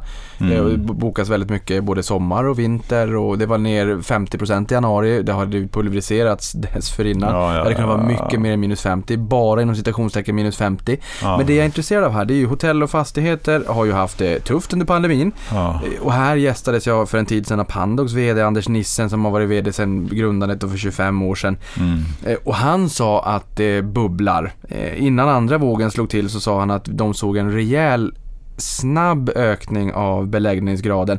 Och i er fastighetskategori övrigt, som då utgör 14% av fastighetsbeståndet, så innehåller ju det även hotell. Mm. Och ni är ju faktiskt en av Sveriges största eh, hotellfastighetsägare. ja, det stämmer. Vad är din bild? Hur mår, hur, hur ser du på hotellbranschen just nu? Ja, Pandox är störst och vi är två, alltså det är rätt. Mm. Och de de 77,9% som mest. De föll De gjorde det, ja, Mm. precis, precis. Och av våra 14 procent i den kategorin så är 8 procent hotell och så Ja. har vi liksom storheten i Balder att 8 procent ungefär är. Och ni har tryggheten Hotell. i bostäderna och sådär också. Men alltså är det så... Just nu är det för ögonblicket är det jättetufft. Va? Speciellt centrum Stockholm, Göteborg. Så man kan säga att eh, de som var hetast innan på ett sätt i Svala står för där. Jag menar Stockholm framför allt, men Göteborg också. Det är ju mycket utrikesresande och sådär. Det har ju nästan försvunnit helt. Så man kan säga Landsort hotell klarar sig lite bättre. Det är tufft där med, men det är inte lika illa. Och det man kallar destinationshotell går ändå hyfsat bra. Typ Steam i Västerås eller Ystad Saltsjöbad eller Ellery på Lidingö. Alltså de sortens. För det är mycket privatkunder och liksom kan du inte resa utomlands, ja men då åker du väl dit då. Och eller jag har pa- paddel också. Ja, de har paddel också. Nej, men den destinationen blir ju kanske nästan intressant tack för att du inte kan åka någonstans. Ja, men då åker vi, vi måste ha något åtminstone då. Va? Men, Ja. Men hotellen tror jag det kommer vara nog kanske några år innan det är tillbaka på gamla nivåer. Men du, Jag är rädd att den blir lite segare faktiskt. Va? För att eh, i viss mån tror jag man kanske ändrar lite resor nu när man har vant sig på telefonmöte. Så jag kan tänka mig att vissa resor permanent går över i telefonkonferenser. för eh, arbetsresor. Arbetsresor, men det är det som driver hotell. Vardagar är ju arbetsresor. Helger kan vara privat. Men, men, eh, så där tror jag att du kanske jackar ner lite. Eh, men sen får man inte heller bli så pessimistisk för att om du tänker innan det här så hade man ju underliggande kanske, det kan ju Anders Nissen bättre än mig, men jag gissar 3-5 procent ungefär trendmässig ökning på grund av mer befolkning, mer resande, mer köpkraft och så vidare. Så att vi kommer egentligen från en ändå ganska stark marknad. Och om vi säger att om vi gissar att jag säger 20 procent varaktigt jackar borta. Vissa forum tar man vartannat möte på telefon och hit och dit. Liksom. Ja, men då kanske det är fyra fem år innan det fylls upp av liksom underliggande för den underliggande kommer ju ändå komma den kraften. Liksom. Du, Så det kan nog vara några år kanske innan de är helt i svung. Men å andra sidan så på lite längre sikt kan det nog bli riktigt bra för att det blir ju svårare tror jag under ganska lång tid. Och, alltså hotell kommer ju ses som lite mer riskfyllt tror jag under lång tid. Så då blir det svårare att finansiera.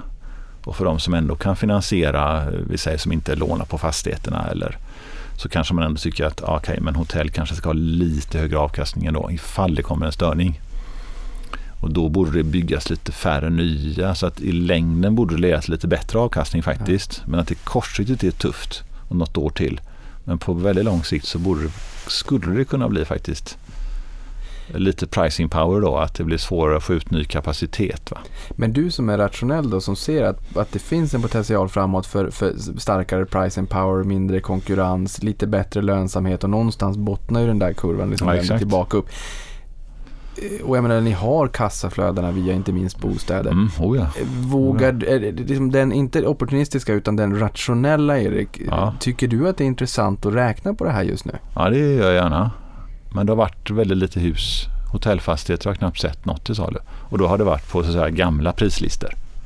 Så de få, Okej, så priserna har inte hängt med ner? nej, nej, så de Nej. få som har sålts, det var, har ju varit på de värderingarna som var innan pandemin egentligen. Då. Alltså det har inte blivit någon, jag tror att det är lite för enkelt att om hotellen blir jättebilliga så är det inte, då är inte jag sådär supersmart att bara jag kom på det utan det kommer, det kommer vara en hel drös av andra som också kommer på det. Så det blir nog ingen riktig rea.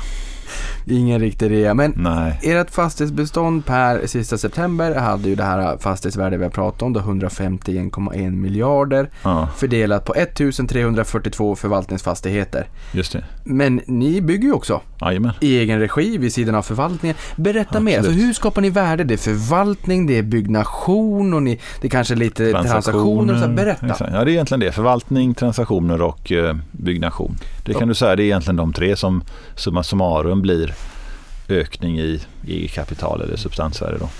Vad får mest Eh, fokus just nu? Ehm, ja, förvaltning är ju alltid den största biten såklart. Men, men, För men nyinflödet av 95 fokus? 90-95 procent är ju befintlig förvaltning. Så den är ju alltid viktigast totalt så det kommer ju alltid vara. Mm. Eh, Men sen är ju så också egentligen att om du ska köpa ett hus eller bygga, då är du tillbaks återigen i samma. Jag har dina Niklas pengar, nu ska jag satsa dem, vad ska jag göra? Och om det skulle vara så att du får samma avkastning på att bygga som att köpa ett befintligt hus, då är det ju helt onödigt att ha allt jobb och risk med att bygga. Då är det bättre att bara köpa färdiga fastigheter. Så att, att bygga fastigheter blir ju intressant när man säger att det är hög konkurrens om att köpa dem. Och där var ju för några år sedan jag kände att ja, men Balder får nog börja liksom tänka till på att utveckla i större utsträckning än att bara köpa färdigt. Så jag har byggt vissa av Balders hus innan Balder fanns. Okay. Ja, men byggnation, man säger ofta fastighet och bygg och sådär, fastighet projektutveckling, men det är egentligen väldigt olika verksamheter. Det är inte alls så likt. Man klumpar ihop det i börstabeller. Men fastighet och bygg är egentligen väsensskilt. Ja men där kan man också säga att det är ju väldigt konstigt när man, eh, när man eh, vad heter det, klumpar ihop olika branscher. Var, Ja. Jag måste fråga dig, varför har vi bank och fastighet ofta i samma? Är inte det, är Det inte är ofta koko? samma under man säger financials då va? Men är inte det galet? Nej, inte helt galet. Inte helt galet? Inte. Nej, det tycker jag inte. Inte helt galet. Därför bank och fastighet kan man säga det är de två där intjäningen kommer från balansräkningen. Ja, Okej, jag tänkte mer Så att att det är bankers balansräkning i sig som ger intjäningen, eller hur? De har assets Mm. som ger en avkastning. Där är intjäningen. Och fastigheter är samma. Det är mina fastigheter som ger en avkastning. Men tar du vi säger Volvos balansräkning. Det ger ju ingen avkastning alls. Den, den, den ger inga intäkter överhuvudtaget. Det bygger på att de säljer nya grejer. Så att vi tjänar på assets. Och så har vi då stora balansräkningar, bankfastigheter.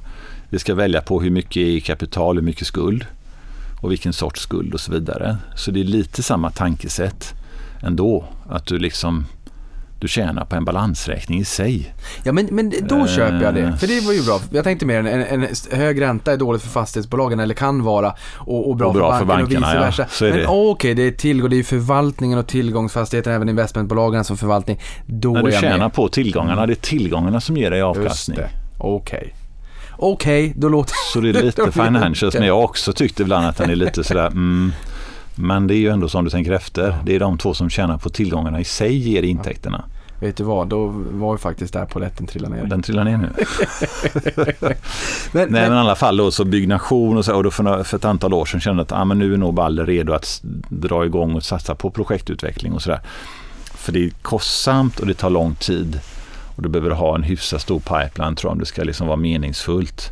Men det var lite kombination med att vi som bolag var liksom lite redo att ta det steget och börja satsa på det eh, i kombination med att fastighetsvärdena gick upp. Så kände vi att ah, men nu är det nog rimligt att liksom lägga lite mer fokus på det. Och nu då när det är som väldig jakt på avkastning så är det nog extra intressant om du kan göra hela alltet. Köpmark, gör detaljplan, bygg det, behåll det. Eller i vissa fall sälj som bostadsrätt. Så tycker vi nog att det här är en väldigt glapp nu på Produktionskostnad produktionskostnader mot värde. För det är egentligen där det sitter. Liksom. Om produktionskostnaden närmar sig värdet, ja, då är det tveksamt. Ska du verkligen ha all den risken i jobbet och krångel? Och, eh, men ett stort klapp, ja men då är det rimligt igen. Så exempelvis Danmark har vi inte köpt hus på, jag vet inte hur länge sedan. Vi köper bara tomter och bygger och behåller det. Vi har inte köpt på, ja, jättelänge sedan. men vet du, det här tycker jag är intressant, för många säger att det är svårt att göra business i Danmark och nu är det förvaltnings, ni tjänar pengar på balansräkning, det är för, för, förvaltnings... Men vi bygger, alltså all, all expansion är bara byggnation. Vi har För, inte köpt på, inte hur länge. för rörelsedrivande bolag, de, de tycker ju att det är jobbigt i Danmark. Ja. Och, och, och, ni- och ni Jag älskar. Danmark, jag tycker det är ett fantastiskt land. Men, men varför blir det Helt så... sagolikt bra. Och jag känner att man har aldrig varit mer sugen på att åka dit eh, sen efter att man stängde gränserna. Jag tittade från toppen till botten Danmark är 39 mil så man kan bila runt hur mycket Ja. man vill. Och jag kommer göra det den första ja, dagen. bra! Men varför är, varför är det så... Annorlunda mm, kultur eller så- Det är varför det annorlunda. svårt? Det är nej, jag, vet inte, jag tycker faktiskt inte att det är det. Men det är väldigt annorlunda kultur i det. Jag håller med dig om det. Eh, och när man, första affärerna i Danmark så varnar ju alla. Nej, det går inte att tjäna pengar i Danmark oavsett bransch. Och liksom, det här kommer sluta illa. Oj, oj, oj. Eh, men jag kunde aldrig liksom se det faktiskt. Eh, så vi tycker ju Danmark har ju funkat minst lika bra som Sverige. Alltså vi gör, ja, bättre snarare. Det är, det är en juvel i Balder i Danmark. Det är bara helt fantastiskt fina objekt. De borde åka runt och titta faktiskt. Och det är också bara Storköpenhamn. Så om du har bil så lägg en dag runt där. Det kommer du tycka är helt makalöst bra Niklas. Jag kan ordna att Flemming visar dig. Det är Ja. liksom helt eh, magiskt bra. Och, och, och, där säger du någonting, jag menar, som en del bolag har ju mm, aktieägarförmåner. Mm. Ni borde fundera på en gång om året eller en gång vartannat år så att det inte blir för bemödande för er. Men att, och det kanske blir för mycket människor, jag vet inte. Men just att ha en sån där rundvisning och visa lite fastigheter och så där, det tror jag en och annan aktieägare kan gilla. Köpenhamn hade varit bra tror jag. Jag har det? Nej men det hade varit bra. Jag Ja, menar det är ja. roligt att titta på. Exakt. Eh, Men det jag tror man ska tänka på där är att, eller som jag har tänkt i alla fall, så tänkte jag alltid att okej nu är jag i Danmark, nu får jag lära mig hur gör man här. Så att jag har ju inte tänkt att i Sverige gör vi så här och nu ska jag göra samma. För det har jag känt att det finns inget som indikerar att det borde fungera. Nej. Så jag bara tänkt nu åker jag över bron, nu måste jag bli en dansk. Okej, hur gör man i Danmark? Ja. Jag har försökt lära mig av dem. Hur jobbar ni här liksom? Ja. Och det skiljer väldigt mycket mot Sverige. Så jag kan förstå att om du har ett svenskt system och så åker du dit så att du ska göra likadant. Ja, då eh, tycker jag det är rimligt att tro att det inte blir så bra, eh, att det inte går så bra. Och tvärtom också, om du kör danskt system i Sverige går ju heller inte. Eh, inte lika bra. Så att man får vara man får anpassa sig. Så jag försöker alltid, mitt mål är alltid att anpassa mig helt enkelt. Eh, och i Finland får jag anpassa mig. Där är det ytterligare ett annat system mot Sverige. Eh, Och Norge är ytterligare ett. Men, men du, får inte gå, du får inte löpa hela, hela linan ut så att du börjar räkna på danska för det har jag förstått är ganska svårt. Men, men hur, eh, eller ja, för de som är danska, det är inte lika svårt. Hur, hur skapar ni värde rent konkret då? Liksom om, om vi tar det här nya eh, fastigheter som ni köper, förädling av befintliga fastigheter, att man bygger till och anpassar Ja, men tar du. Danmark som exempel bara då om vi bygger för 100 miljoner där så kanske det är värt 140 när det är klart. Det är ju bra. Det är jättebra. Det är jäkligt bra. Mm. Då vill jag hellre att ni gör det än att ni betalar utdelning. Exakt, det är det jag utdelning. gör också. så tricket är ju bara att du ska hitta mark i den takten du gör på rätt ställe och liksom med rätt förutsättningar. Så att du kan ju inte från en dag till en annan göra en jätteexpansion. Det gäller liksom gneta fram där. Men vi ligger runt att vi har kanske tusen lägenheter i byggnation och någonting sånt där igång. Och, och Danmark är väldigt kort. Man kan säga Sverige, Finland, Norge behöver du ha väldigt mycket land, landbank, olika skeden för det tar så lång tid med detaljplaner. Danmark är de väldigt snabba. Så där löser man ju detaljplan och kommer igång med bygge blixtsnabbt jämfört med Sverige. Det är otrolig skillnad. Så Ja, där okej. behöver du inte ha landbank på samma sätt egentligen. Nej, nej. Där kan Flemming säga att ja, men då köper vi marken och så gör vi detaljplan så börjar vi bygga om ett halvår. Liksom. Och i Sverige är det ju en tioårsprocess. Ja, ja, och man tänker bara, nej men det är inte sant. Liksom. Och sen så eh, kan jag ju kolla facit att de gör det också. Är för jag vet i någon... I, Så det är kan, helt- kan det ha varit 2019 årsredovisning? För 2020 är ju inte ute än. Nej. Och, och för där, jag tror att det var där, när du också pratade om er goda relation med Huddinge kommun. Ja, just det. Och, och då funderade jag så här, hur viktigt är det med de här politiska kontakterna, politiska dialogen, att, att det funkar bra så att man inte stöter på patrull, att det tar så himla länge att eh, jag, menar att, Men vill du bygga vet nytt, ja, vill du bygga nytt så är det ju kommunen har ju planmonopol. Så vill inte de så blir det inget. Det är liksom svart och vitt. Vill de inte så blir det inget. Det är liksom ingen... Så är det ju i och för sig i Danmark också. Det är bara att i Danmark är det ett mycket snabbare system. Så att detaljplan, eh, eller lokalplan som man säger då, det går så fantastiskt mycket fortare. Och det är en borgmästare som bestämmer egentligen att då gör man upp med honom och så gör vi si. Så ha, bra, då gör vi lokalplan och det är klart med ett halvår och så kör vi igång. Ha. Så det är på helt annan mode. Och man kan inte säga att de bygger dåliga hus. Många tycker att Danmark har finare byggnation. Liksom. Man kan inte säga att jo, jo, men det blir så himla dåligt sen. Det blir det ju inte. Så de har ett annat system som är mycket snabbare. Så Nej. då behöver du inte ha mark tio år egentligen i förväg på samma sätt. Då. Nej, och då, och då vet jag att det är många politiker som lyssnar på den här podden också. Då, då har ni... Då har Ja, men de politikerna här har ju svenskt, de kan ju inte göra som i Danmark för vi har ju lag så de kan inte göra så. För då, det finns ingen forum, lagstiftning här, i, det går inte. Då vi sitter den där Så saxen vi sitter. Hur duktig du är som politiker, Mm. de kan inte göra en plan på ett halvår. Det, det finns ingen möjlighet. Det är lagen gör det att det inte går. Vi är där vi är. Du har plan och bygglag. Ja. Men kundkoncentrationen då?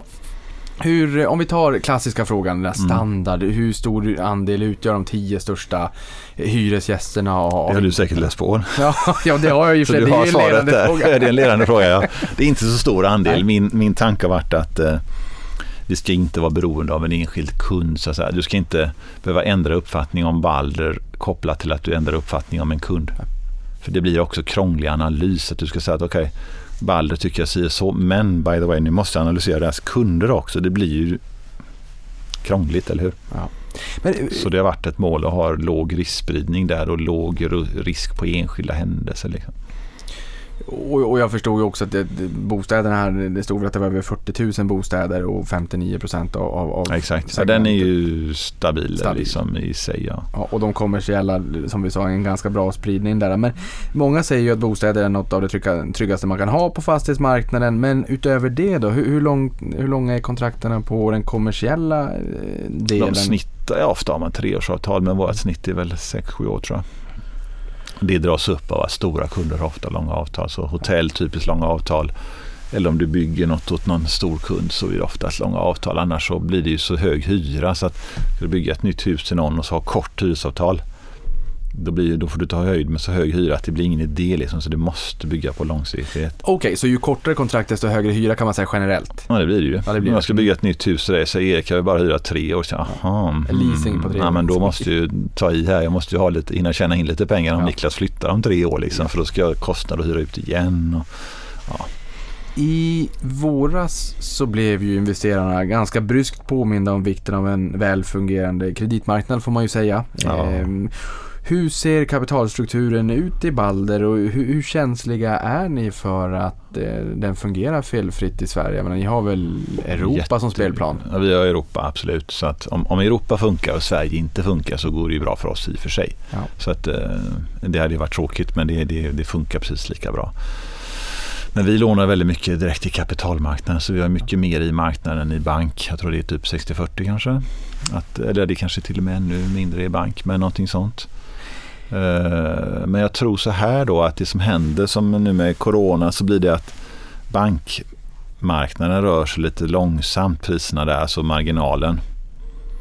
Så den rör sig inte från en dag till en annan jättemycket upp och ner. Lite glider det men inte så där vansinnigt snabba kast. Men är du i kapitalmarknaden på obligationer så kan det ju från en dag till en annan bli ganska stora kast och du har mer svängningar i den.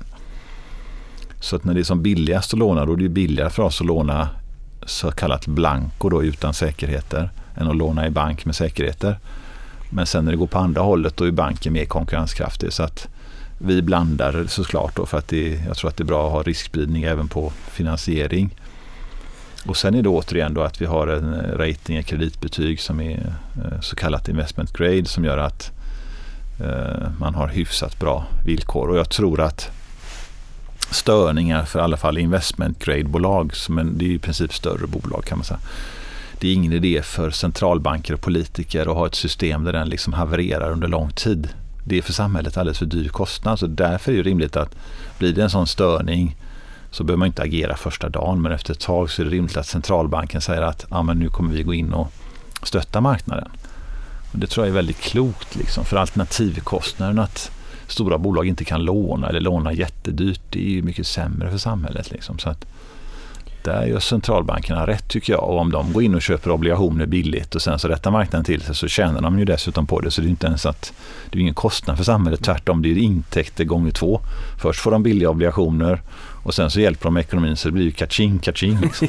Nej men för hur tänkte du? Jag menar, ta, en, ta Peter Norhammar Ja. eh, på Länsförsäkringarnas fastighetsfond. Han har ju fått ett nytt fint jobb så han är ju inte där längre. Nej. Han tyckte nog, vi hade han i Avanza-podden då, han Ja. tyckte nog att det var ganska tufft. För att han väldigt, var väldigt stor i marknaden. Ja. Nettosäljare när folk trycker På på säljknappen. ja. Mm. Fastighetsaktier. Mm. Mm. Eh, Och vi såg ju en halvering ganska snabbt på de flesta bolagen i sektorn.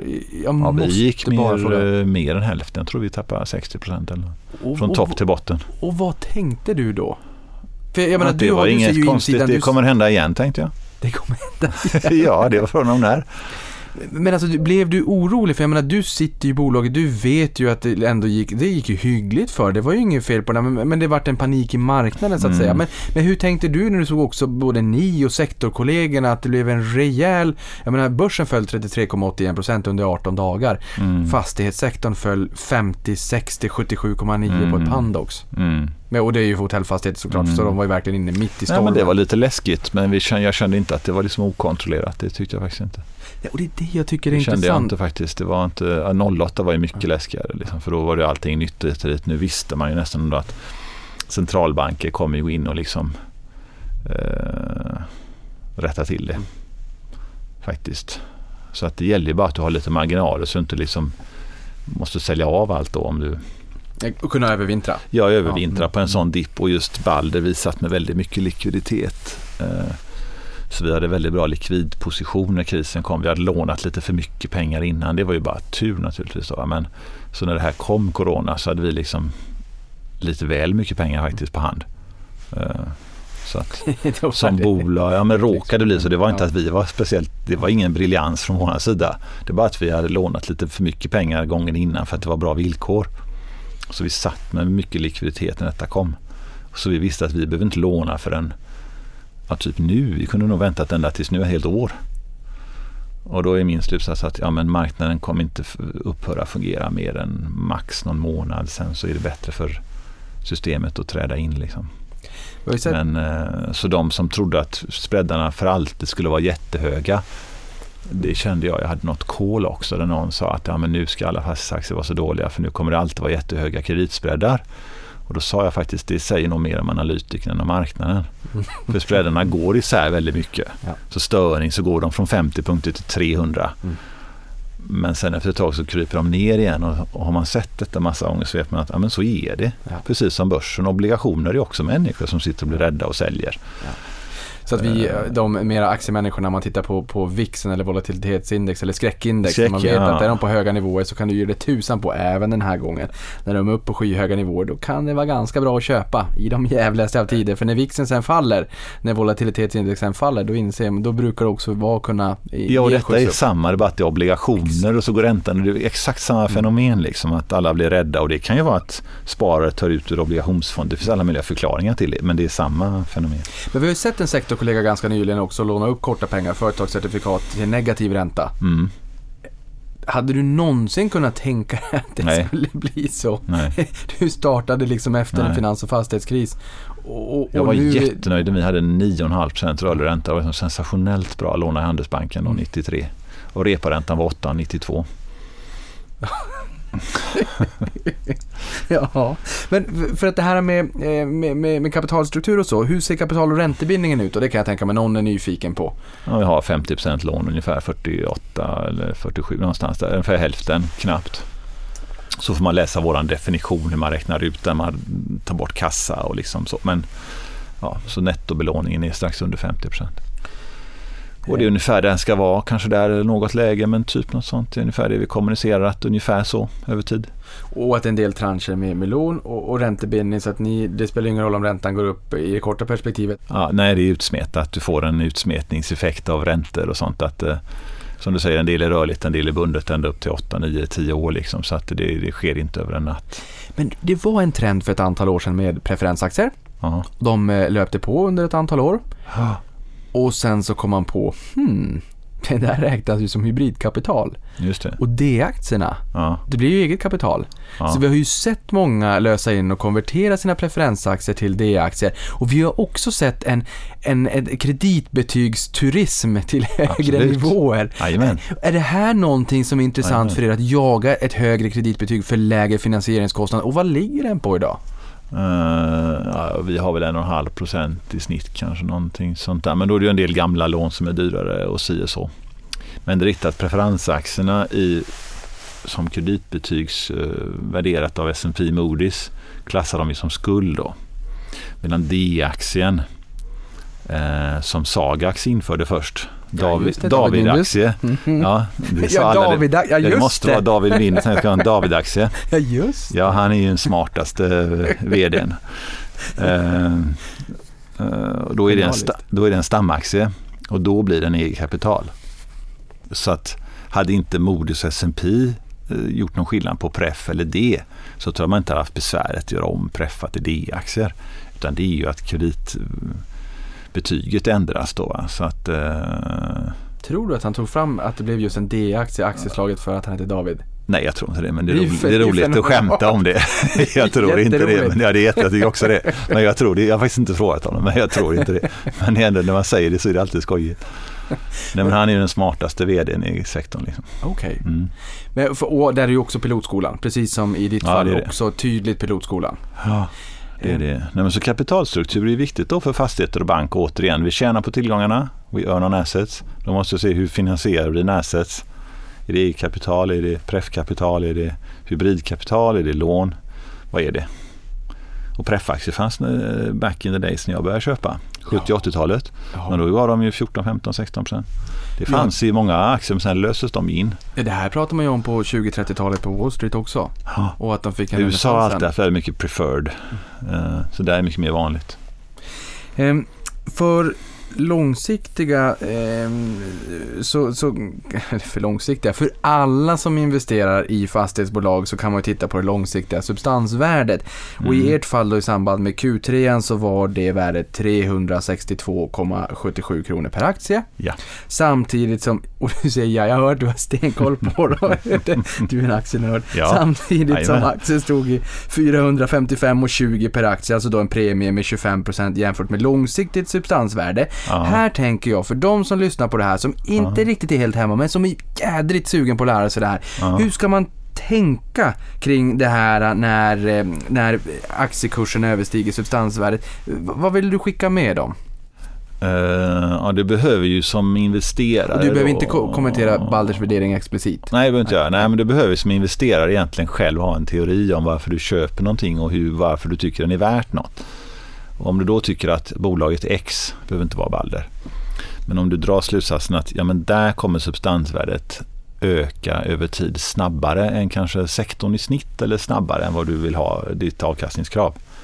Då kan det finnas en logik att säga att ja, men eftersom det kommer att öka snabbare så kan du redan dag ett betala över substans. För det här kommer liksom så här självläka. Det växer i kapp. Och omvänt då, om du har ett bolag som du tror att ja, men det kommer inte ha någon speciell tillväxt. Då blir ju substansvärdet kanske till och med lite dyrt att betala. Du kanske ska ha lite rabatt på det då. Men blir det å andra sidan väldigt mycket rabatt då kan det ju hända att ja, då kommer någon kanske lägga bud på det och sälja ut tillgångarna. Så att rabatten blir inte hur stor som helst.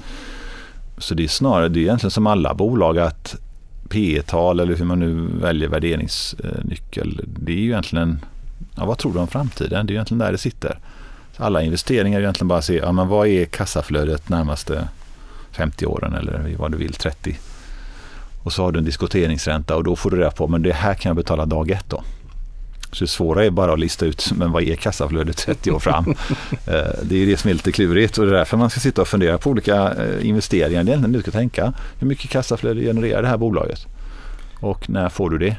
Och hur säker är du? Och sen har du en diskonteringsränta och då kan du säga att ja, men därför ger jag 150 kronor för Swedbank. Eller, för, för ni bygger ju och projekterar en hel del. mm. Det borde ju vara ett rimligt argument också att kunna betala en substanspremie i och med det du sa. Om, om vi bygger en kåk för 100 kronor och den är värd 140. Absolut. Ja men det är ju klart om det, om bara hade varit förvaltningsfastigheter, that's it, ingenting om man bara sitter och förvaltar. Det är ju inget fel i det. Men då kanske jag inte hade betalt en premie i, jämfört Nej, med om... precis. Absolut. nej men det är helt rätt. Du får ju på köpet någonting som kommer generera en tillväxt liksom, eh, utöver. Det är ungefär som du tänker eh, en, en, ännu mer ytterlighet JM skulle du inte värdera på substans. För det är klart att de genererar ju massa tillgångar eller vinster utöver att de har byggrätter. Eh, som du tänker att Balder innehåller ett mini-JM. Ja, men den delen är värd mer än substans för det är liksom en annan slags intjäning och sen har du det som är substans. Eh, men sen kan man ändå ha olika syn på att man tror att marknaden blir stark eller man tror på våra tillgångsklasser att bostäder kommer kanske värderas upp ytterligare. Då kanske du tänker att ja, men det är min teori att bostäder blir ytterligare lite mer attraktivt och Balder mycket bostäder, ja, men då kan jag redan nu betala lite mer för det för det kommer värderas högre.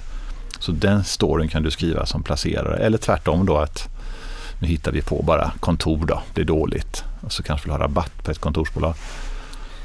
Men jag tänker, jag måste fråga, vill du dela med dig av eh, om du har någon favorit på aktier då, någon bolag inom bygg som du tycker är extra duktiga. Min bror är platschef uppe i Norrbotten. Han, han blir förbannad på mig om jag inte nu skulle fråga. För du, det var faktiskt du som uppvilade till det här nu. Ja, det var. Finns ja. det någon som du är extra imponerad av? Något av byggbolagen på börsen? Uh, Eller blir det lite för kontroversiellt? Byggbolagen? Ja, men jag vet inte. Jag gör ju mycket affärer med Peab och mycket med Skanska och jag känner NCC väl också. Vi har inte gjort lika mycket affärer men det kan det säkert bli. Så att de är väl igen, men de är inte helt lika heller egentligen om du tänker efter. De är ganska olika inriktning. Peab är väldigt mycket här som man kallar industri. Som jag tror är underskattat att det är kanske bättre än vad man tror.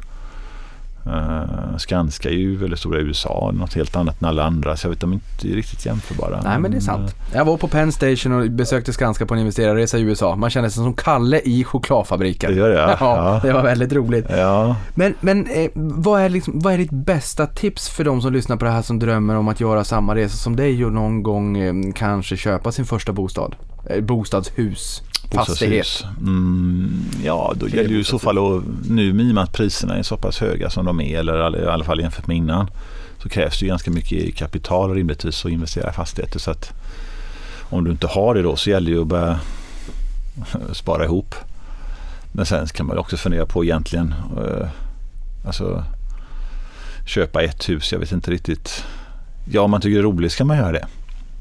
Nej, men den personen kanske hade velat köpa 50-11. Mm. men det är ju bara det här med alltså, Man får börja med ett. Ja, men då får man börja med ett så tar man nästa och nästa och håller på så. Mm. Ja, ja nej, men som du säger, någonstans måste man ju börja. Ja, gör det man är intresserad av. Det kan vara fastigheter, det kan lika något annat egentligen. Jag tror inte fastigheter i sig ger bättre avkastning än någon annan bransch. Det gör det inte. Man ska göra det man tycker är roligt och uh, ha något slags, ja, som passar en.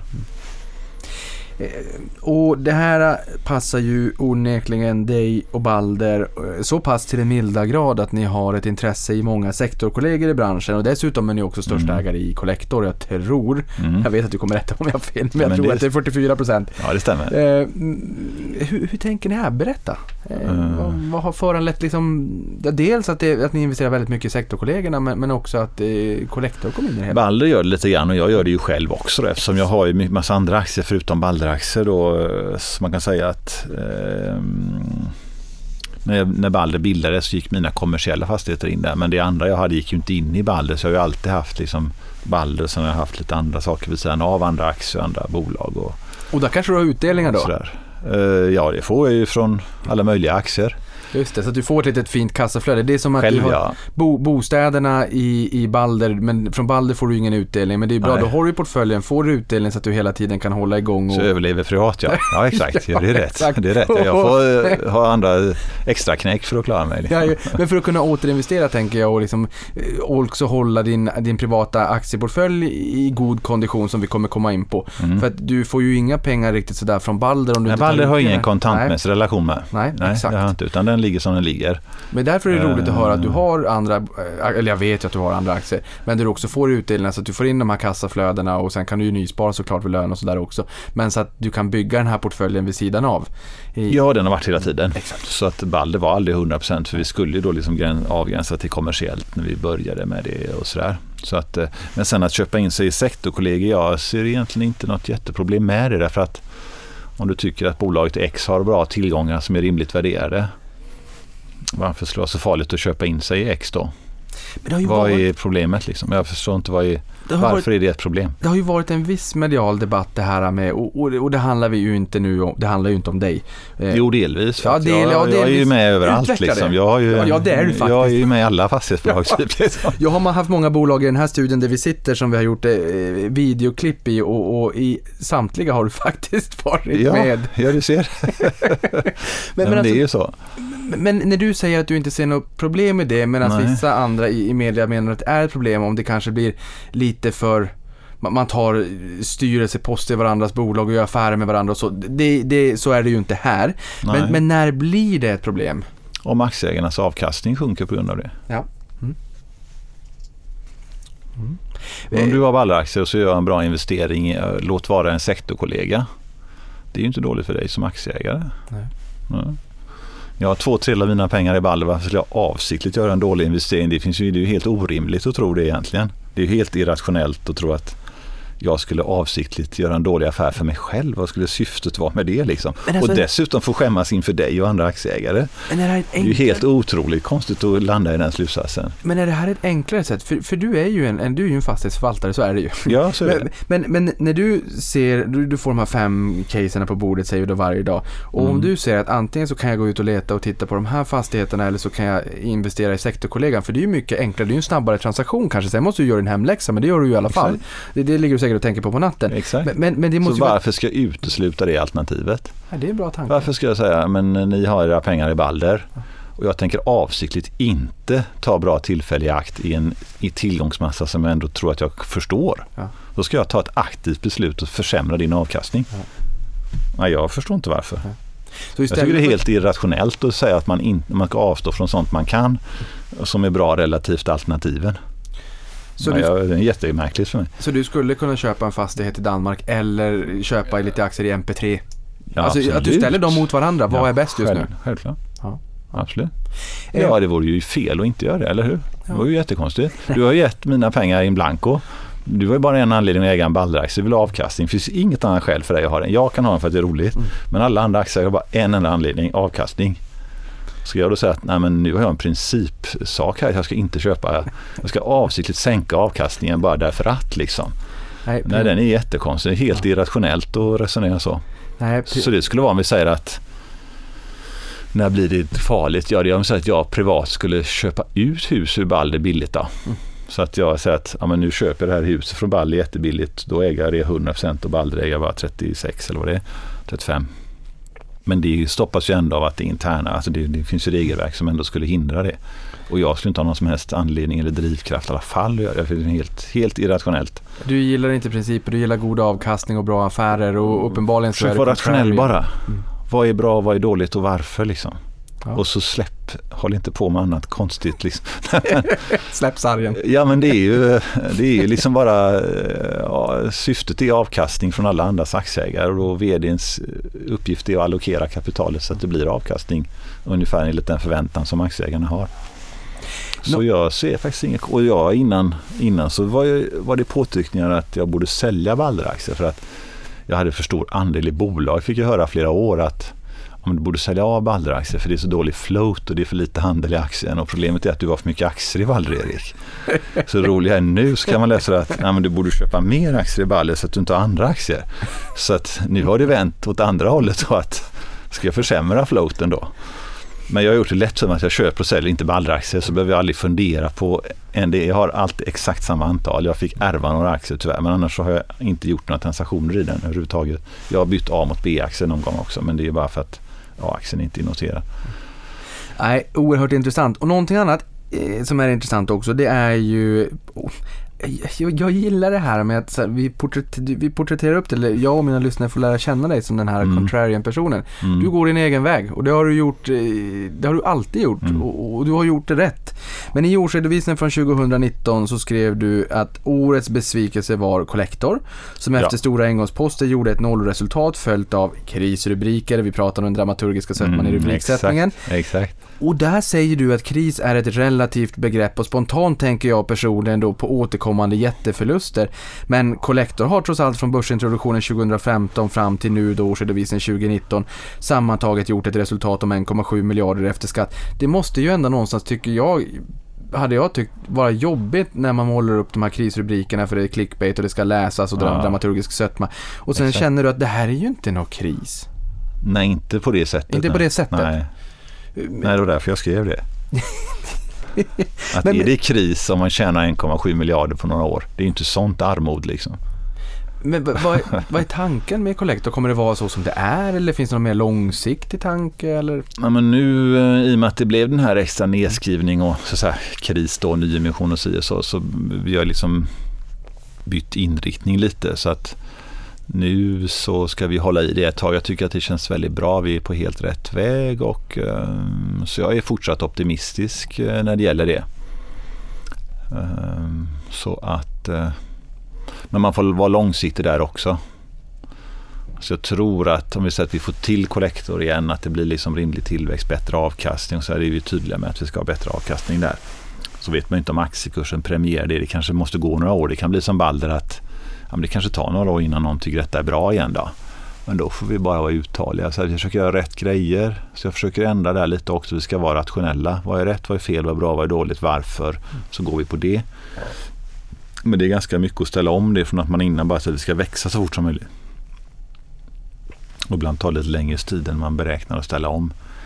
Och sen är ju bankaktier just nu inte, det är väldigt ute om man säger så, både storbank och småbank. Och, ja, marknaden gillar ju inte bankaktier generellt inte. Vi liksom. sa innan vi började spela den här podden att det, det är inte alla banker. Nu sitter Nej, en bank. Avanza gillar ju alla i och för sig. Den har ju gått som tåget. Den, den, den undantagen då. Den har varit väldigt bra. Den har varit, eller är fantastiskt bra. Tack. Ehm, det har ju varit en del uppmärksammade affärer senaste tiden och du gillar affärer. Vi gillar att du gillar affärer och vi såg en em, strukturaffär med eh, Serneke brukar jag säga. Ja, Serneke. det, Hur säger du? Serneke. Serneke. Em, kan, kan du berätta mer om den och, och sen, vad är det som... Ja, det var väldigt intressant Så vi får en faktiskt. känsla för hur du syr ihop en sån Ja, grej. men den var ju väldigt intressant. Den började i somras, i den här vändan då. Mm. Eh, för då pratade jag med Ola och Eh, ja, jag pratade med banken lite parallellt då liksom. Eh, med Olas godkännande självklart då. För då ville de ha någon så här finansieringspartner i Karlastaden. För de hade ju haft Oaktree och de eh, hoppade av. Så de satt ju egentligen med ett för stort projekt i det lilla bolaget Serneke. Så då började vi prata om det i somras någon gång. Och sen är det väldigt komplext. Så här byggnationer är superkomplext. Att bara förstå den tar ganska lång tid. För mig i vilket fall. Och så var vi inne först på att okej, men vi kan inte ta bara isolerat till tornet då. Kvar det här höga skyskrapan för alla byggrätter runt omkring kanske också måste vara med. För jag tänkte att okej, om jag bara är delägare i tornet, ja då kanske man börjar bygga hus jämte och konkurrera ut tornet delvis. Så då kom vi fram till att nej, vi måste nog ta hela Karlastaden och göra en, en, ett paket av det. För att inte få Ja. särintressen liksom. Annars kanske jag säger att nej, Ola, jag vill inte att du ska bygga. Han säger att nej, men jag vill bygga, annars blir det sämre för mig. Så då var vi inne på det. Men sen kände jag ändå att den blev svår att greppa för att den var så otroligt stor och komplex. Så då gränsade vi av alltså att ja, men okej, då backar vi tillbaks och så pratar vi bara tornet igen då. Eh, och då sa jag också till Ola att ja, men, om vi ska gå in i detta så vill jag liksom ändå ha ganska, en väldigt bra affär för den är krånglig, den är potentiellt riskfylld och så vidare. Och för att inte då ha risk på bygg, försäljning, allt detta så landade vi att ja, men okej, då, då vill jag fastställa ett belopp som vi tjänar på det här.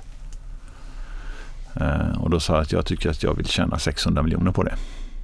Det var mer en känsla att mm, det borde vara hyfsat rimligt liksom givet storheterna i det och riskerna och komplexiteten. Eh, och det tyckte han ändå också var fine. Men jag sa det, om du tycker det är oförskämt eller för mycket så förstår jag dig och då är det helt okej. Då släpper vi det. Det är inget konstigt liksom.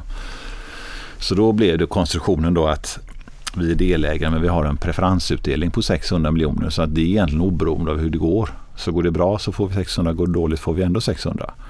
Och sen vill vi ju gärna då samla på hus. Vi är ju hussamlare. Så då har vi då rätt att köpa de kommersiella fastigheterna i tornet som är då kontor och hotell. Men inte skyldighet eftersom det ligger en bit fram i tiden. Men den är ju bra.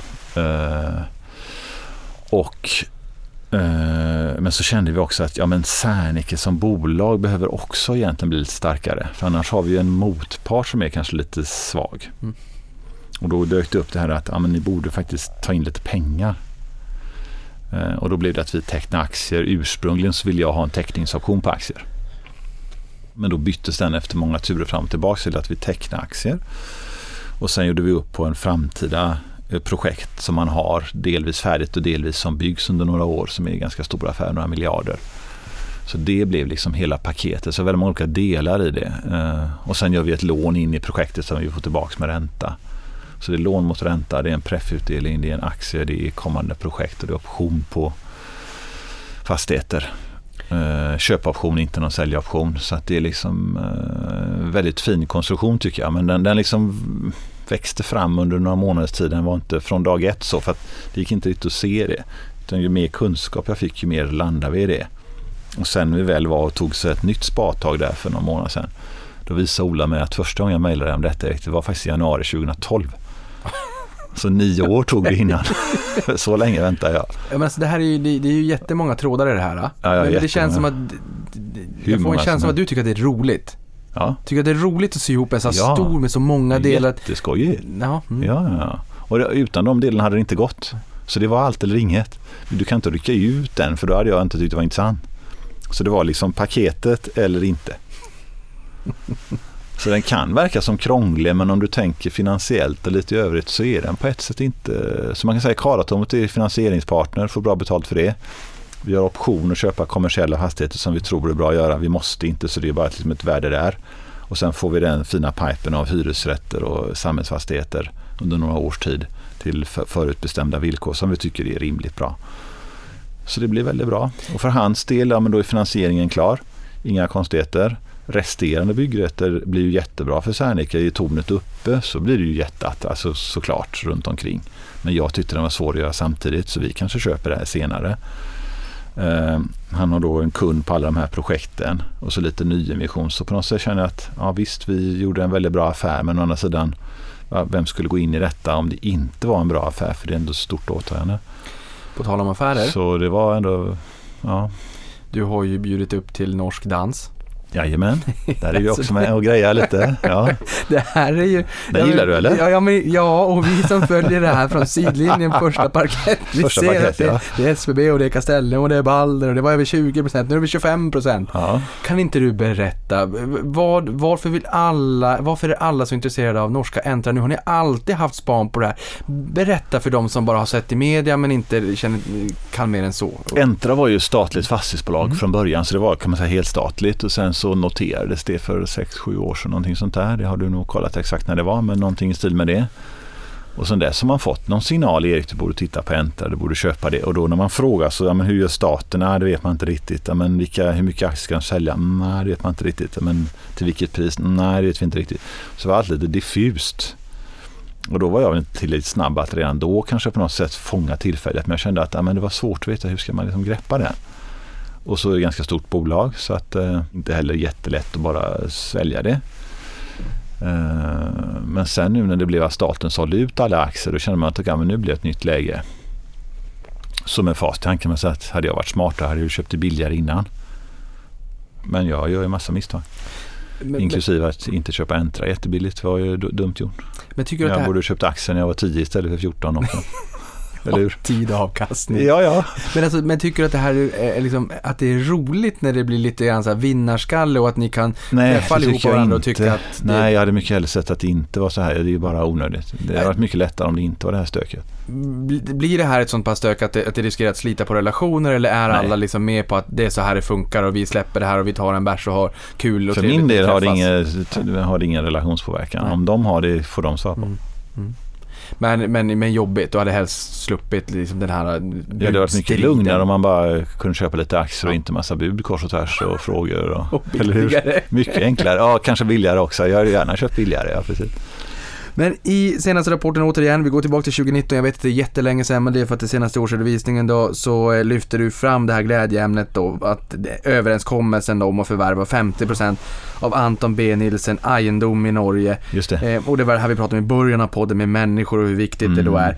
Här lyfter du ju särskilt fram de fina personerna du har mött i bolaget. Hur, eh, Ja. hur viktigt är eh, människorna i bolaget och den dimensionen utanför diverse Excel-kalkyler? Vi har ju varit in på det såklart, men Mm. jag har förstått att det är väldigt viktigt för dig. Mm. Om jag inte hade gillat bröderna Löwenskiöld i ABN så hade jag inte köpt alla bolag. Nej. Då, Nej. då förstår vi digniteten hur viktigt Nej, det är. hade jag inte gjort. Nej, tänk att ha en kompanjon och så ser du numret på telefonen och bara usch, ringer de? Det, det är inte, det vill man ju inte. Man vill ju när jag ser Peder, ja vad roligt, vad vill han nu? Så vill man ju ha det, eller hur? När du säger så så låter det väldigt logiskt. Ja, men tänk om du ser på din telefon, åh nej, ringer han? Åh. Det, Exakt. så annars får du inte energi och drivkraft i det liksom. Du, jag Så är det är lite väldigt fina människor. Väldigt, väldigt fina människor. På tal om det, väldigt fina människor. Eh, företagskulturen i Balder då? Mm. På tal om att det handlar om människor, hur skulle du förklara den? För den Det är svårt att recensera sig viktigt. själv då, men vi försöker hålla det liksom enkelt, okomplicerat, prestigelöst helst. Och att ha lite känsla av att det fortfarande är så att säga, en enskild firma typ. Är mentalt sett inte något stort krångligt jättefint storbolag som är så här, utan försöka hålla det enkelt och luststyrt och eh, långsiktigt entreprenöriellt och sådär. Så det är klart att det passar många jättebra och för en del kanske det inte passar så bra. Liksom alla är olika. Alla passar inte på alla bolag. Och, så jag tror vi är lite på ett sätt annorlunda mot, ja alla är väl i och för sig annorlunda mot varandra.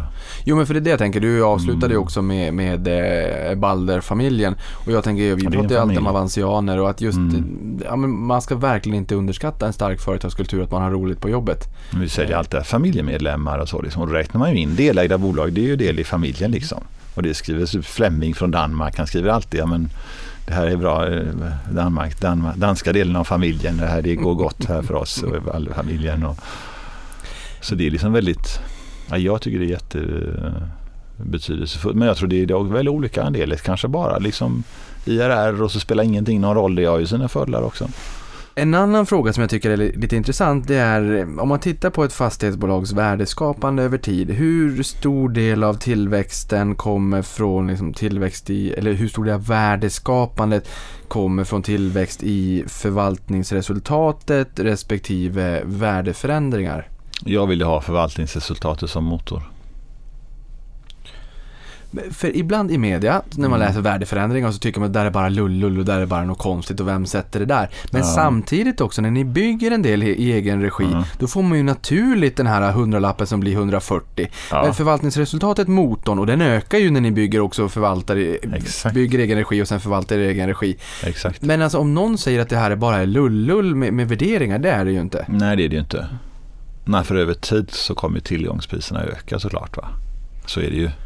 Jag menar, alltså, det är klart, du du, ska ju, du får inte glömma bort det om du investerar. Så att av förvaltningsresultatet sen tror att fastighetsvärdena aldrig någonsin ökar. Då blir det ju för negativt troligtvis. Då kommer du göra en felbedömning. Då kommer du bli för konservativ. Om du är långsiktig. För jag menar, jag kommer ihåg när lägenheter kostade 10 000 på Strandvägen så sa man, att de som köpt nu det liksom var sista, det var det dummaste de har gjort. Det kommer ju aldrig någonsin mer kosta 10 000. Nu kostar det 300 000. Och när vi är gamla kommer det kosta en miljon. Så du har ju en liksom över tid stigande värden. Men sen behöver det inte vara varje år, det kan vara flera år med minus och sådär. Men jag tror om man helt glömmer bort den så blir man ju för pessimistisk. Men vad är, eh, ja exakt, min du, blir för pessimistisk då, om du säger att det här huset mitt emot kommer aldrig någonsin bli värt mer pengar. Det är ju orimligt att tro det. Ja, det är orimligt. Det är helt orimligt för att mina BNP ökar, inkomsterna ökar. Alla blir rikare över tid. Så det enda rimliga är ju att tro att det där huset kostar dubbelt så mycket om tio år. Det är ju det rimliga slutsatsen man kan dra. Men sen kan man ändå ha, jag tycker ändå förvaltningsresultat, det är på något sätt tryggheten och det är motorn i det hela. Så vi är väldigt fokuserade på det. Men du som ägare ska ju tänka att okej, okay, du har förvaltningsresultatet och tillgångarna kommer öka. I alla fall lite sakta över tid kan du ju ha som liksom. Ja, jag menar du började i finans, eh, fastighetskrisen. Min VD Rickard han var i Boden i min hemstad och rev bostäder när folk bara lämnade för hus och hem och det, det, sådär. Man, man lämnade helt enkelt. Ja, Och det fanns inga värden. Och sen för, som vi var in på här med konkurrensen. Det är klart att konkurrensen, utbudet minskar ju om man river kåkar och då drivs ju värdet upp. Mm. Det är ju ett extremfall att man river bort husen. Liksom. Men om man Ja. tänker marknaden i stort då, om du tar Balder som finns på så många ställen så blir snittet att det segar sig uppåt. Enstaka hus kan ju bli dåliga men Jag förstår verkligen att genomsnittet blir ju ändå liksom över tid att det stiger. För om det inte gjorde det då kan ju till sist alla i hela Sverige köpa en femma på Strandvägen liksom, eftersom inkomsterna stiger sakta och så kommer det ju inte bli. Va? Så att, och jag var nära att köpa ett hus på Linnégatan eh, vid Östermalmstorg 92, 93 någon gång. Och då kostade det 4 000 per kvadrat. Och så köpte bostadsrättsföreningen då för de hade förköp. Och då var det nästan som man drog en lättnadens suck. Ja, det var nog tur jag inte fick det. Det var väl dyrt liksom. Nej, och- 4 000. Ja, det, Det är ändå kostar inte, det är länge sedan men det är ändå inte liksom så länge. Alltså, Nej, och sen förstår jag också att man, man river inte hus. Eh, riktigt, det är ju ganska extremt. Man sprängde de där husen, sneda husen på Sveafältet. De, eh, de, de, de var väl de byggda. är- ja, de var ville det ändå, ja. De Nej, var sneda och de ville inte. De, ville sprängde och sprängde och sprängde. de gav sig inte. Det var bra byggt. Ja.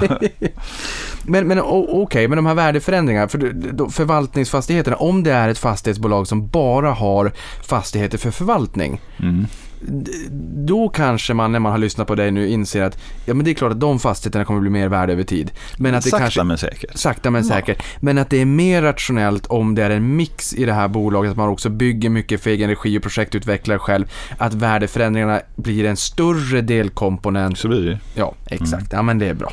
Jo, för vi kan ju säga annars, ja, men annars säger vi till Flemming i Danmark, vi säljer alla fastigheter när de är klara. Det skulle man ju lika gärna kunna göra istället för att behålla dem. Och då får du in pengarna ungefär som JM då eller PA eller vem som helst. Då skulle alla tycka att ja, ja, men det där är ju pengar som kommer in. Så där kan du liksom optiskt också lura dig själv så att ja, bara för att du inte säljer, det är inte värt mindre för det liksom. Så att, och K-fastigheter är ju samma, att man liksom bygger själv och skapar och så får man stora värdeförändringar. Men de skulle ju lika gärna kunna sälja husen och liksom casha in pengarna. Men, men kan inte du bara kort berätta det här? För Jakob har också varit i den här podden och, och gästat Ja. K-fastigheter. Du investerade en miljon. Mm, Det har varit en precis. fantastisk resa och också fantastiskt hur, som jag har förstått där, att han, att han bjöd dig på lunch, att du fick investera och fick ta halva bolaget för dina kontakter, ditt kunnande och ditt värdeskapande. exakt. och ni tillsammans har skapat något fantastiskt fint. Ja, kan du inte ja. bara kort, bara berätta kort? För de som inte känner till affären, K-fastigheter, den här miljonen och börsnoteringen och Jakob och allt vad det har blivit av det här. Ja, just det. Ja, men det är ju en unikt bra entreprenör. Det är väl den bästa jag har träffat, skulle jag nog tro kanske. Nej, men han hörde av sig och så eh, skickade ett mejl tror jag och så svarade jag på det. Jag svarar på alla mejl i stort sett. Inte reklammail, men liksom annars. Ehm, och så kom han och hälsade på mig i Göteborg. Han bor ju i Hässleholm i Skåne. Och så hade han en idé, han idé hur man, gjorde, hur man på ett smartare sätt egentligen gjorde väggar, alltså standardiserat på ett bättre sätt än innan. Och han förklarade det för mig och jag är ju inte så duktig på sånt så jag låtsas för kanske förstå mer än vad jag gjorde. Men jag kände att ah, men det här är en smart kille liksom. Eh, och så hade han en affärsplan och lite sånt då. Va? Eh, och så, men då var hans förslag att han skulle skänka bort en, del, en liten del i sitt bolag. För han hade typ ett, två små hyreshus med några lägenheter som han hade köpt sen innan. Och så var han anställd på, jag tror det var Nordea eller Länsförsäkringar då. Eh, som någon, han var utbildad som finansanalytiker men var elitlöpare ursprungligen då. Eh, och så skulle han typ bygga några lägenheter till. Han kan ju detaljerna här men så att han skulle bygga tio lägenheter till och skänka bort en del i sitt bolag. Jo, och vill man lyssna på det, bak i backloggen och lyssna på avsnittet med Lyssna på det. Ja, jag har faktiskt inte lyssnat på det själv, det borde jag göra. Men, eh, men i vilket fall. Eh, och så hade vi lite någon sporadisk kontakt. Och sen hörde jag av mig till honom och så sa jag, men Jakob, du ska inte skänka någon del i ditt bolag till mig. Eh, och så tror jag jag hade sagt att vi kan inte bygga 16 lägenheter, vi måste bygga i alla fall 50. Det går inte att bygga så lite. Så det blev liksom startskottet och så satte vi lite pengar. Eh, och så, men han har ju gjort allt jobb egentligen så att jag har ju inte...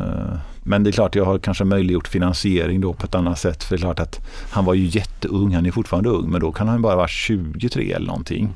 Elitlöpare, utbildad till finansanalytiker och så ska man ge sig in i bygg och alla grejer. Det är ju dömt att misslyckas, eller hur? Nej, en man fantastisk känner att där fanns en drivkraft liksom utöver allt annat som fortfarande finns. vinnarskalle. Ja, ja, och var, alla bygger det så sa han innan Erik det här kommer kosta 56 911 000 när det är klart. Och så kom det alltid in, vet, typ 27, ja, det blev 27 000 billigare. Det var liksom sån precision. Och alltid liksom typ 27 000 eller 141 000 billigare. Uh, nej, men det är ett unikum. Så att, uh, Fantastiskt kul att höra. ja, ja, och han är så ung du vet. Så att, herregud. Ja, där har vi tid avkastning, ränta på Där ränta. kan det vara ränta på ränta. Ja, där, now we're talking. Vidare då till eh, räntor. Vi såg Sverige införa negativ ränta 18 februari 2015. Sverige tror jag var först i världen. Vi har ju världens äldsta centralbank 1668. Eh, och också först i världen då med, med den negativa räntan. Nu är det Mm. nollränta. Mm. Men, men hur, hur skulle ni påverkas om vi skulle få en mer kanske expansiv penningpolitik? Nu är det ingen som tror på det riktigt idag. Men framåt, om vi får se en, en stigande eh, ränta, en räntehöjningscykel. Mm, ja, då blir det dyrare att låna och så kanske avkastningskravet stiger på hus. Det är inte givet för det beror ju på varför räntan går upp. Om räntan går upp 1% men inflationen går upp 2-3 och tillväxten går upp så kanske tillgångspriserna stiger trots stigande ränta. Så det är ju alltid massa andra faktorer. Med ekonomi är ju alltid du ändrar en parameter men vad är det mer som ändrar sig och sen kan du se. Men det är väl inte så troligt i närtid att räntan går upp. Det är så mycket skulder i systemet på stater och sånt där så jag tror inte det går att ha ränta. Så att, för att Ska du få ner liksom skuldkvot i offentliga systemet så tror jag att spara tillbaka det är väldigt svårt. Så det rimliga är ju att man liksom håller räntan väldigt låg och så får man straffa ut de som sparar. Eh, så att kvoten skuld BNP sjunker lite lugnt och fint eh, under något årtionde. Eh, men egentligen borde man snarare se vad är realavkastningen på att låna pengar och vad är realavkastningen på fastigheter och hur ligger den till? Man är så fokuserad på nominell avkastning hela tiden. Det blir ett överdrivet mycket nominellt att oj om räntan går upp pyttelite är det illa eller bra? Eller det är ju inte riktigt så. Ehm, och på tal om det, om vi tittar tillbaka till senaste, ja det blir väl nästan senaste årtiondet så har vi ju sett, eller det blir det, resultatet per aktie gå från 8 kronor och 95 öre 2010 Mm, till 49,77 2019. mm, Vilket är en kagger om 21% årligen under perioden. mm. Samtidigt har börsvärdet stigit från 4,4 miljarder till 80 miljarder. Det är Mm. alltså ett börsvärde, en aktiekurs. Eh, aktiekursen är lika med totalavkastningen i och med att ni inte ger utdelning då. Ja, på det. 33,6% om året. Jag har också noterat att ni har 20% fler aktier idag än vad ni hade 2017. Men, Ja, men vad, vad är hemligheten med det här enorma värdeskapandet och hur mycket har ni blivit hjälpta av en låg ränta? Det här är ju en fenomenal avkastning. Det här är ju, det är ju världsklass. Ja, jag tror vi har snittat 30 i f- de 15 åren. Vi har ju årsjubileum alltid i våra halvårsrapporter du vet så att där summerar vi ett år eftersom vi bildades 0630. Så jag tror de första 15 åren snittar 30 har jag för mig att det var. Det är helt otroligt. Mm. Det är 50% högre än Buffett. Han har gjort det sedan 65 förvisso. Ja det är lite längre. Det är lite längre. Men, men alltså bara för Nej men räntan när. Balder bildades var vår snittränta 3 Om du tar första rapporten på vad som Balder hade, 3,0 snittränta, nu är det 1,56 då. Så visst räntan är lägre men det är inte så att det var 10% till 1,5. Så det var 3 ändå från början. Det är lätt att glömma av. För en del verkar att- tro att det var 10 när vi började. Oj det är bara räntan som har gjort allt. Och så att ja, men den var 3 från början. Folk blir oj jaha, jaha var det det? Jaha. Eh, Men då blir man ju ännu mer nyfiken. Vad i så att räntan är har ju gjort nytta. Men, nej, men det har varit en blandning av eh, ihärdighet och tur och liksom eh, bra omständigheter. Omgivningen har hjälpt oss och stigande fastighetsvärde och mycket har väl samman, liksom, samvarierat och gjort att det har blivit så pass bra under den tiden. Men det kommer inte bli samma framåt. Vi får inte 30% närmaste 15 åren. Det kommer inte bli. Nej, det blir, ju, det blir ju lite tuffare med de tillväxttalen när man blir större och större. inte det. Nej, och så är avkastningen lägre. du vet, Så Ja. det är mycket lättare för hög avkastning om alla hus avkastar 8% istället för 4. Så det är mycket lättare att driva den här enorma. Nu blir ju avkastningen så låg på fastigheter så du kommer ju få lägre avkastning på eget kapital i fastighetsinvesteringar. Men jag tror att den kommer vara okej. Så jag brukar säga att jag tror att det blir en okej avkastning relativt andra alternativ och riskerna. Men vill man ha en enorm avkastning så tror jag fastigheter är inte rätt ställe. Men den blir ändå låg, eh, låg och säker. Ja, för jag, Så det kan vara bra inslag i en portfölj. Ha lite fastigheter, ha lite annat. jag, jag tror någonstans att de där det avkastningskravet kan ha legat på 4,5 procent eh, senast. Och i, Ja, precis. återigen 2019 här då så skriver du att 2000, under 2019 ökade förvaltningsresultatet med 22 procent och substansvärdet med 23 procent. Då. Ja, just det. att- Så de lirar, ja. Jo. Precis. Ja. Att långsiktigt öka förvaltningsresultatet, intjäningsförmågan är det enskilt viktigaste ekonomiska målet för oss. Mm. För att över tid lyckas med en god ökningstakt krävs både att vår befintliga fastighetsportfölj utvecklas väl och att vi hittar nya investeringar med rimliga avkastningar i relation till den risk vi måste ta. Och där blir jag ju nyfiken. Avkastningskrav 4,5% Man har pratat om tidigare, kan det bli lägre eller kan det bli en rädsla så att vi får se stigande och fallande eh, priser på fastigheter och så. Ja, man vet inte. Men 4,5% känns ganska rimligt härifrån. Mm. Mm. Ja, man tycker också. Mm. Mm. Ja, men det är bra. Och då blir jag ju också nyfiken. Är det köparen eller säljarens marknad just nu? Uh, I fastighetsmarknaden? Ja. är stort köpintresse. Det är stort köpintresse. Ja. För att det, alltså det här, det här Erik. Varje månad så skickar jag ut pressmeddelande om hur mm. eh, våra aktieägande kunder har betett sig, vad man har nettoköpt och vad man har nettosålt. Ja. Och fastigheter, både på aktier och fonder, och nu tänker jag främst fonder. Ja. Man har finansierat väldigt mycket grön energi, gröna omställning, teknikfonder, även Sverigefonder har man finansierat genom att eh, sälja fastighetsfonder. Mm. Och det har varit så, jag tror att vissa har kanske har bränt sig, man blir lite orolig där under våren. Men, men någonstans det är ju oftast i de jävligaste av tiderna som också de bästa affärerna görs. Och jag ja. tycker inte att ibland att kundernas beteende, just nu i alla fall, lirar riktigt med den känslan och de signalerna man får från marknaden. Det görs transaktioner, det görs affärer, det blir en del budstrider och sådär. Ja, ja, det finns en diskrepans mellan spararna som, som finansierar, det, det andra är ju också mm. hett. Mm. Men att man finansierar det med fastighetsfond genom att sälja där. Och jag tycker inte alls det verkar vara så iskallt som vissa kanske tycker när man trycker säljknappen. Nej, jag håller med dig.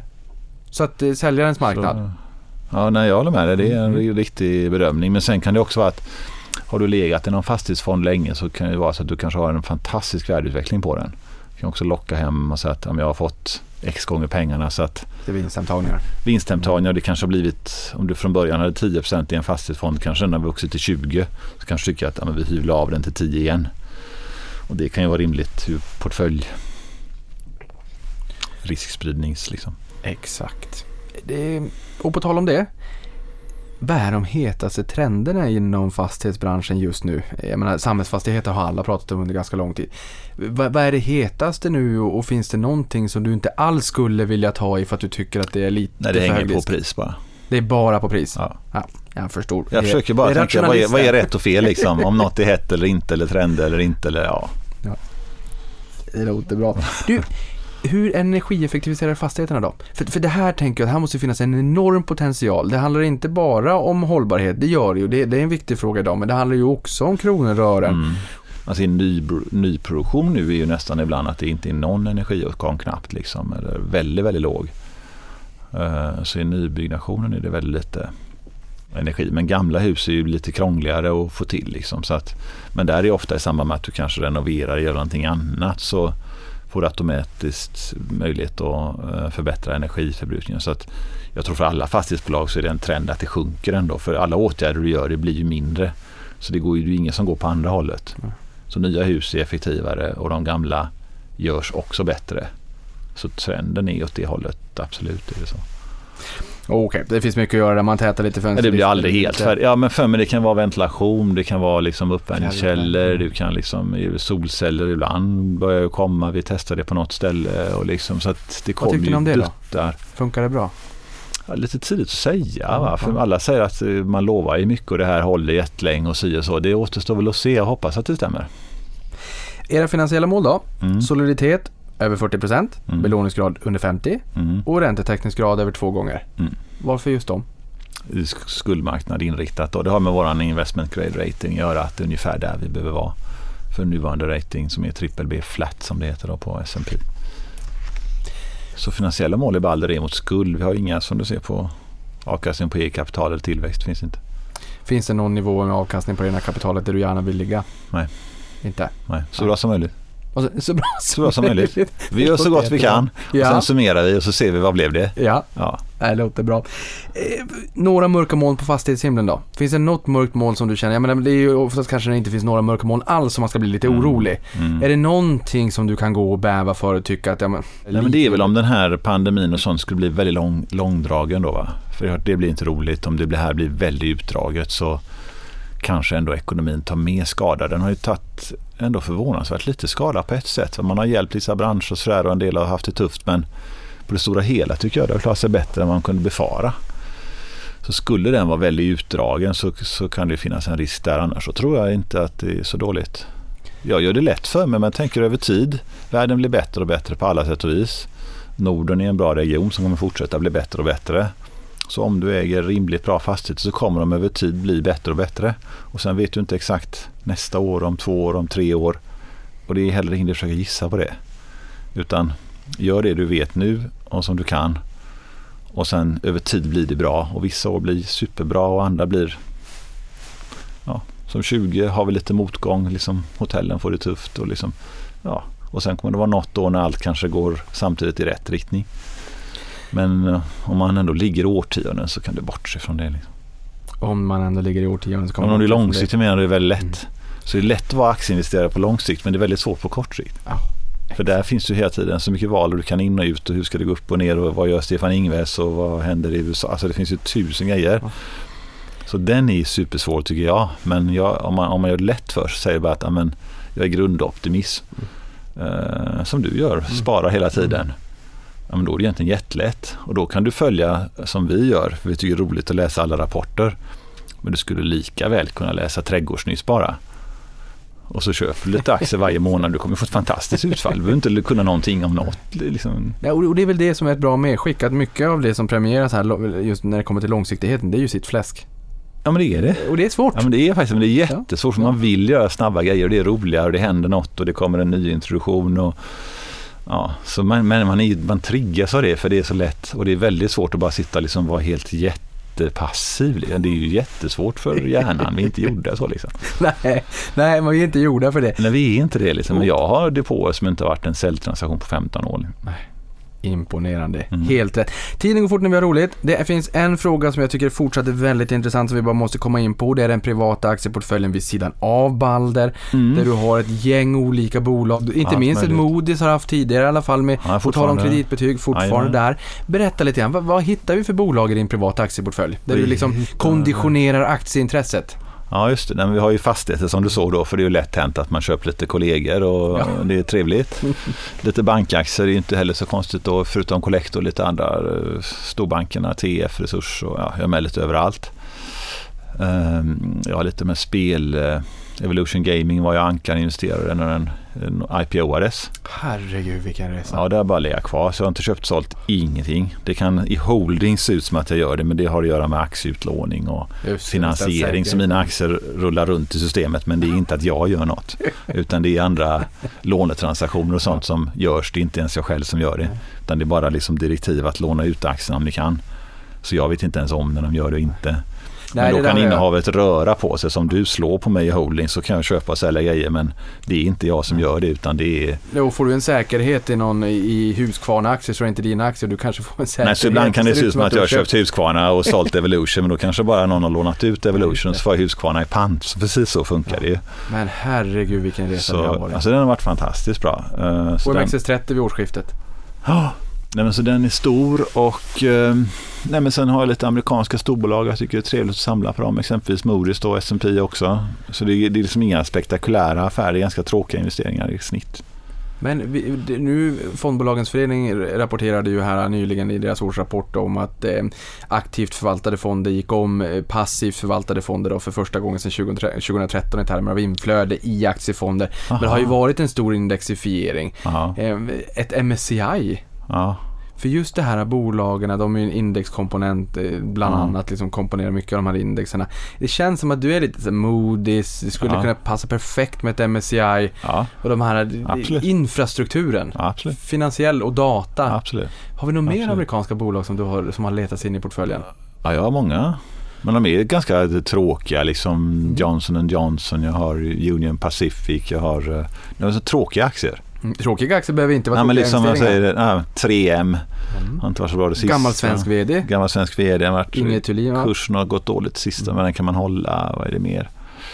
Mm. Du vet att de, för jag- jag skulle köpa någon en mössa vi ska till, till Åkan och skidor. Mm. Då var det en 3M som hade gjort den där mössan. Mhm. Och, och vägskyltarna på, på vägarna. Klisterlappen. Det är 3M också. Ja, visst. Ja, ja, de är lite varstans. Ja. Ja. Nej, och sen lite av försäkringsbolag. Chubb, Berkshire Hathaway, Markel, Amerisafe ett litet. Ja, jag har liksom en drös som jag tycker är roligt att följa. Ja, riktigt kul att höra. Markel brukar man också säga ett mini baby Berkshire Hathaway. Nu finns det ju ett ba- baby Berkshire Hathaway. B-aktierna såklart Mm. också, men att Markel brukar man ju säga det att de har lite grann samma karaktäristika som, som Ja, det har de eh, Berkshire faktiskt. Hathaway. Det har de faktiskt. Erik, Det har de. Ja. tusen tack för att du kom hit Tack så mycket. och gästade podden. Det har varit oerhört roligt att få lyssna till din klokskap och lära sig mer om Balder. Tusen tack för att du kom hit. Tack så jättemycket Niklas. Tack. Och tusen tack för att du lyssnade på det här.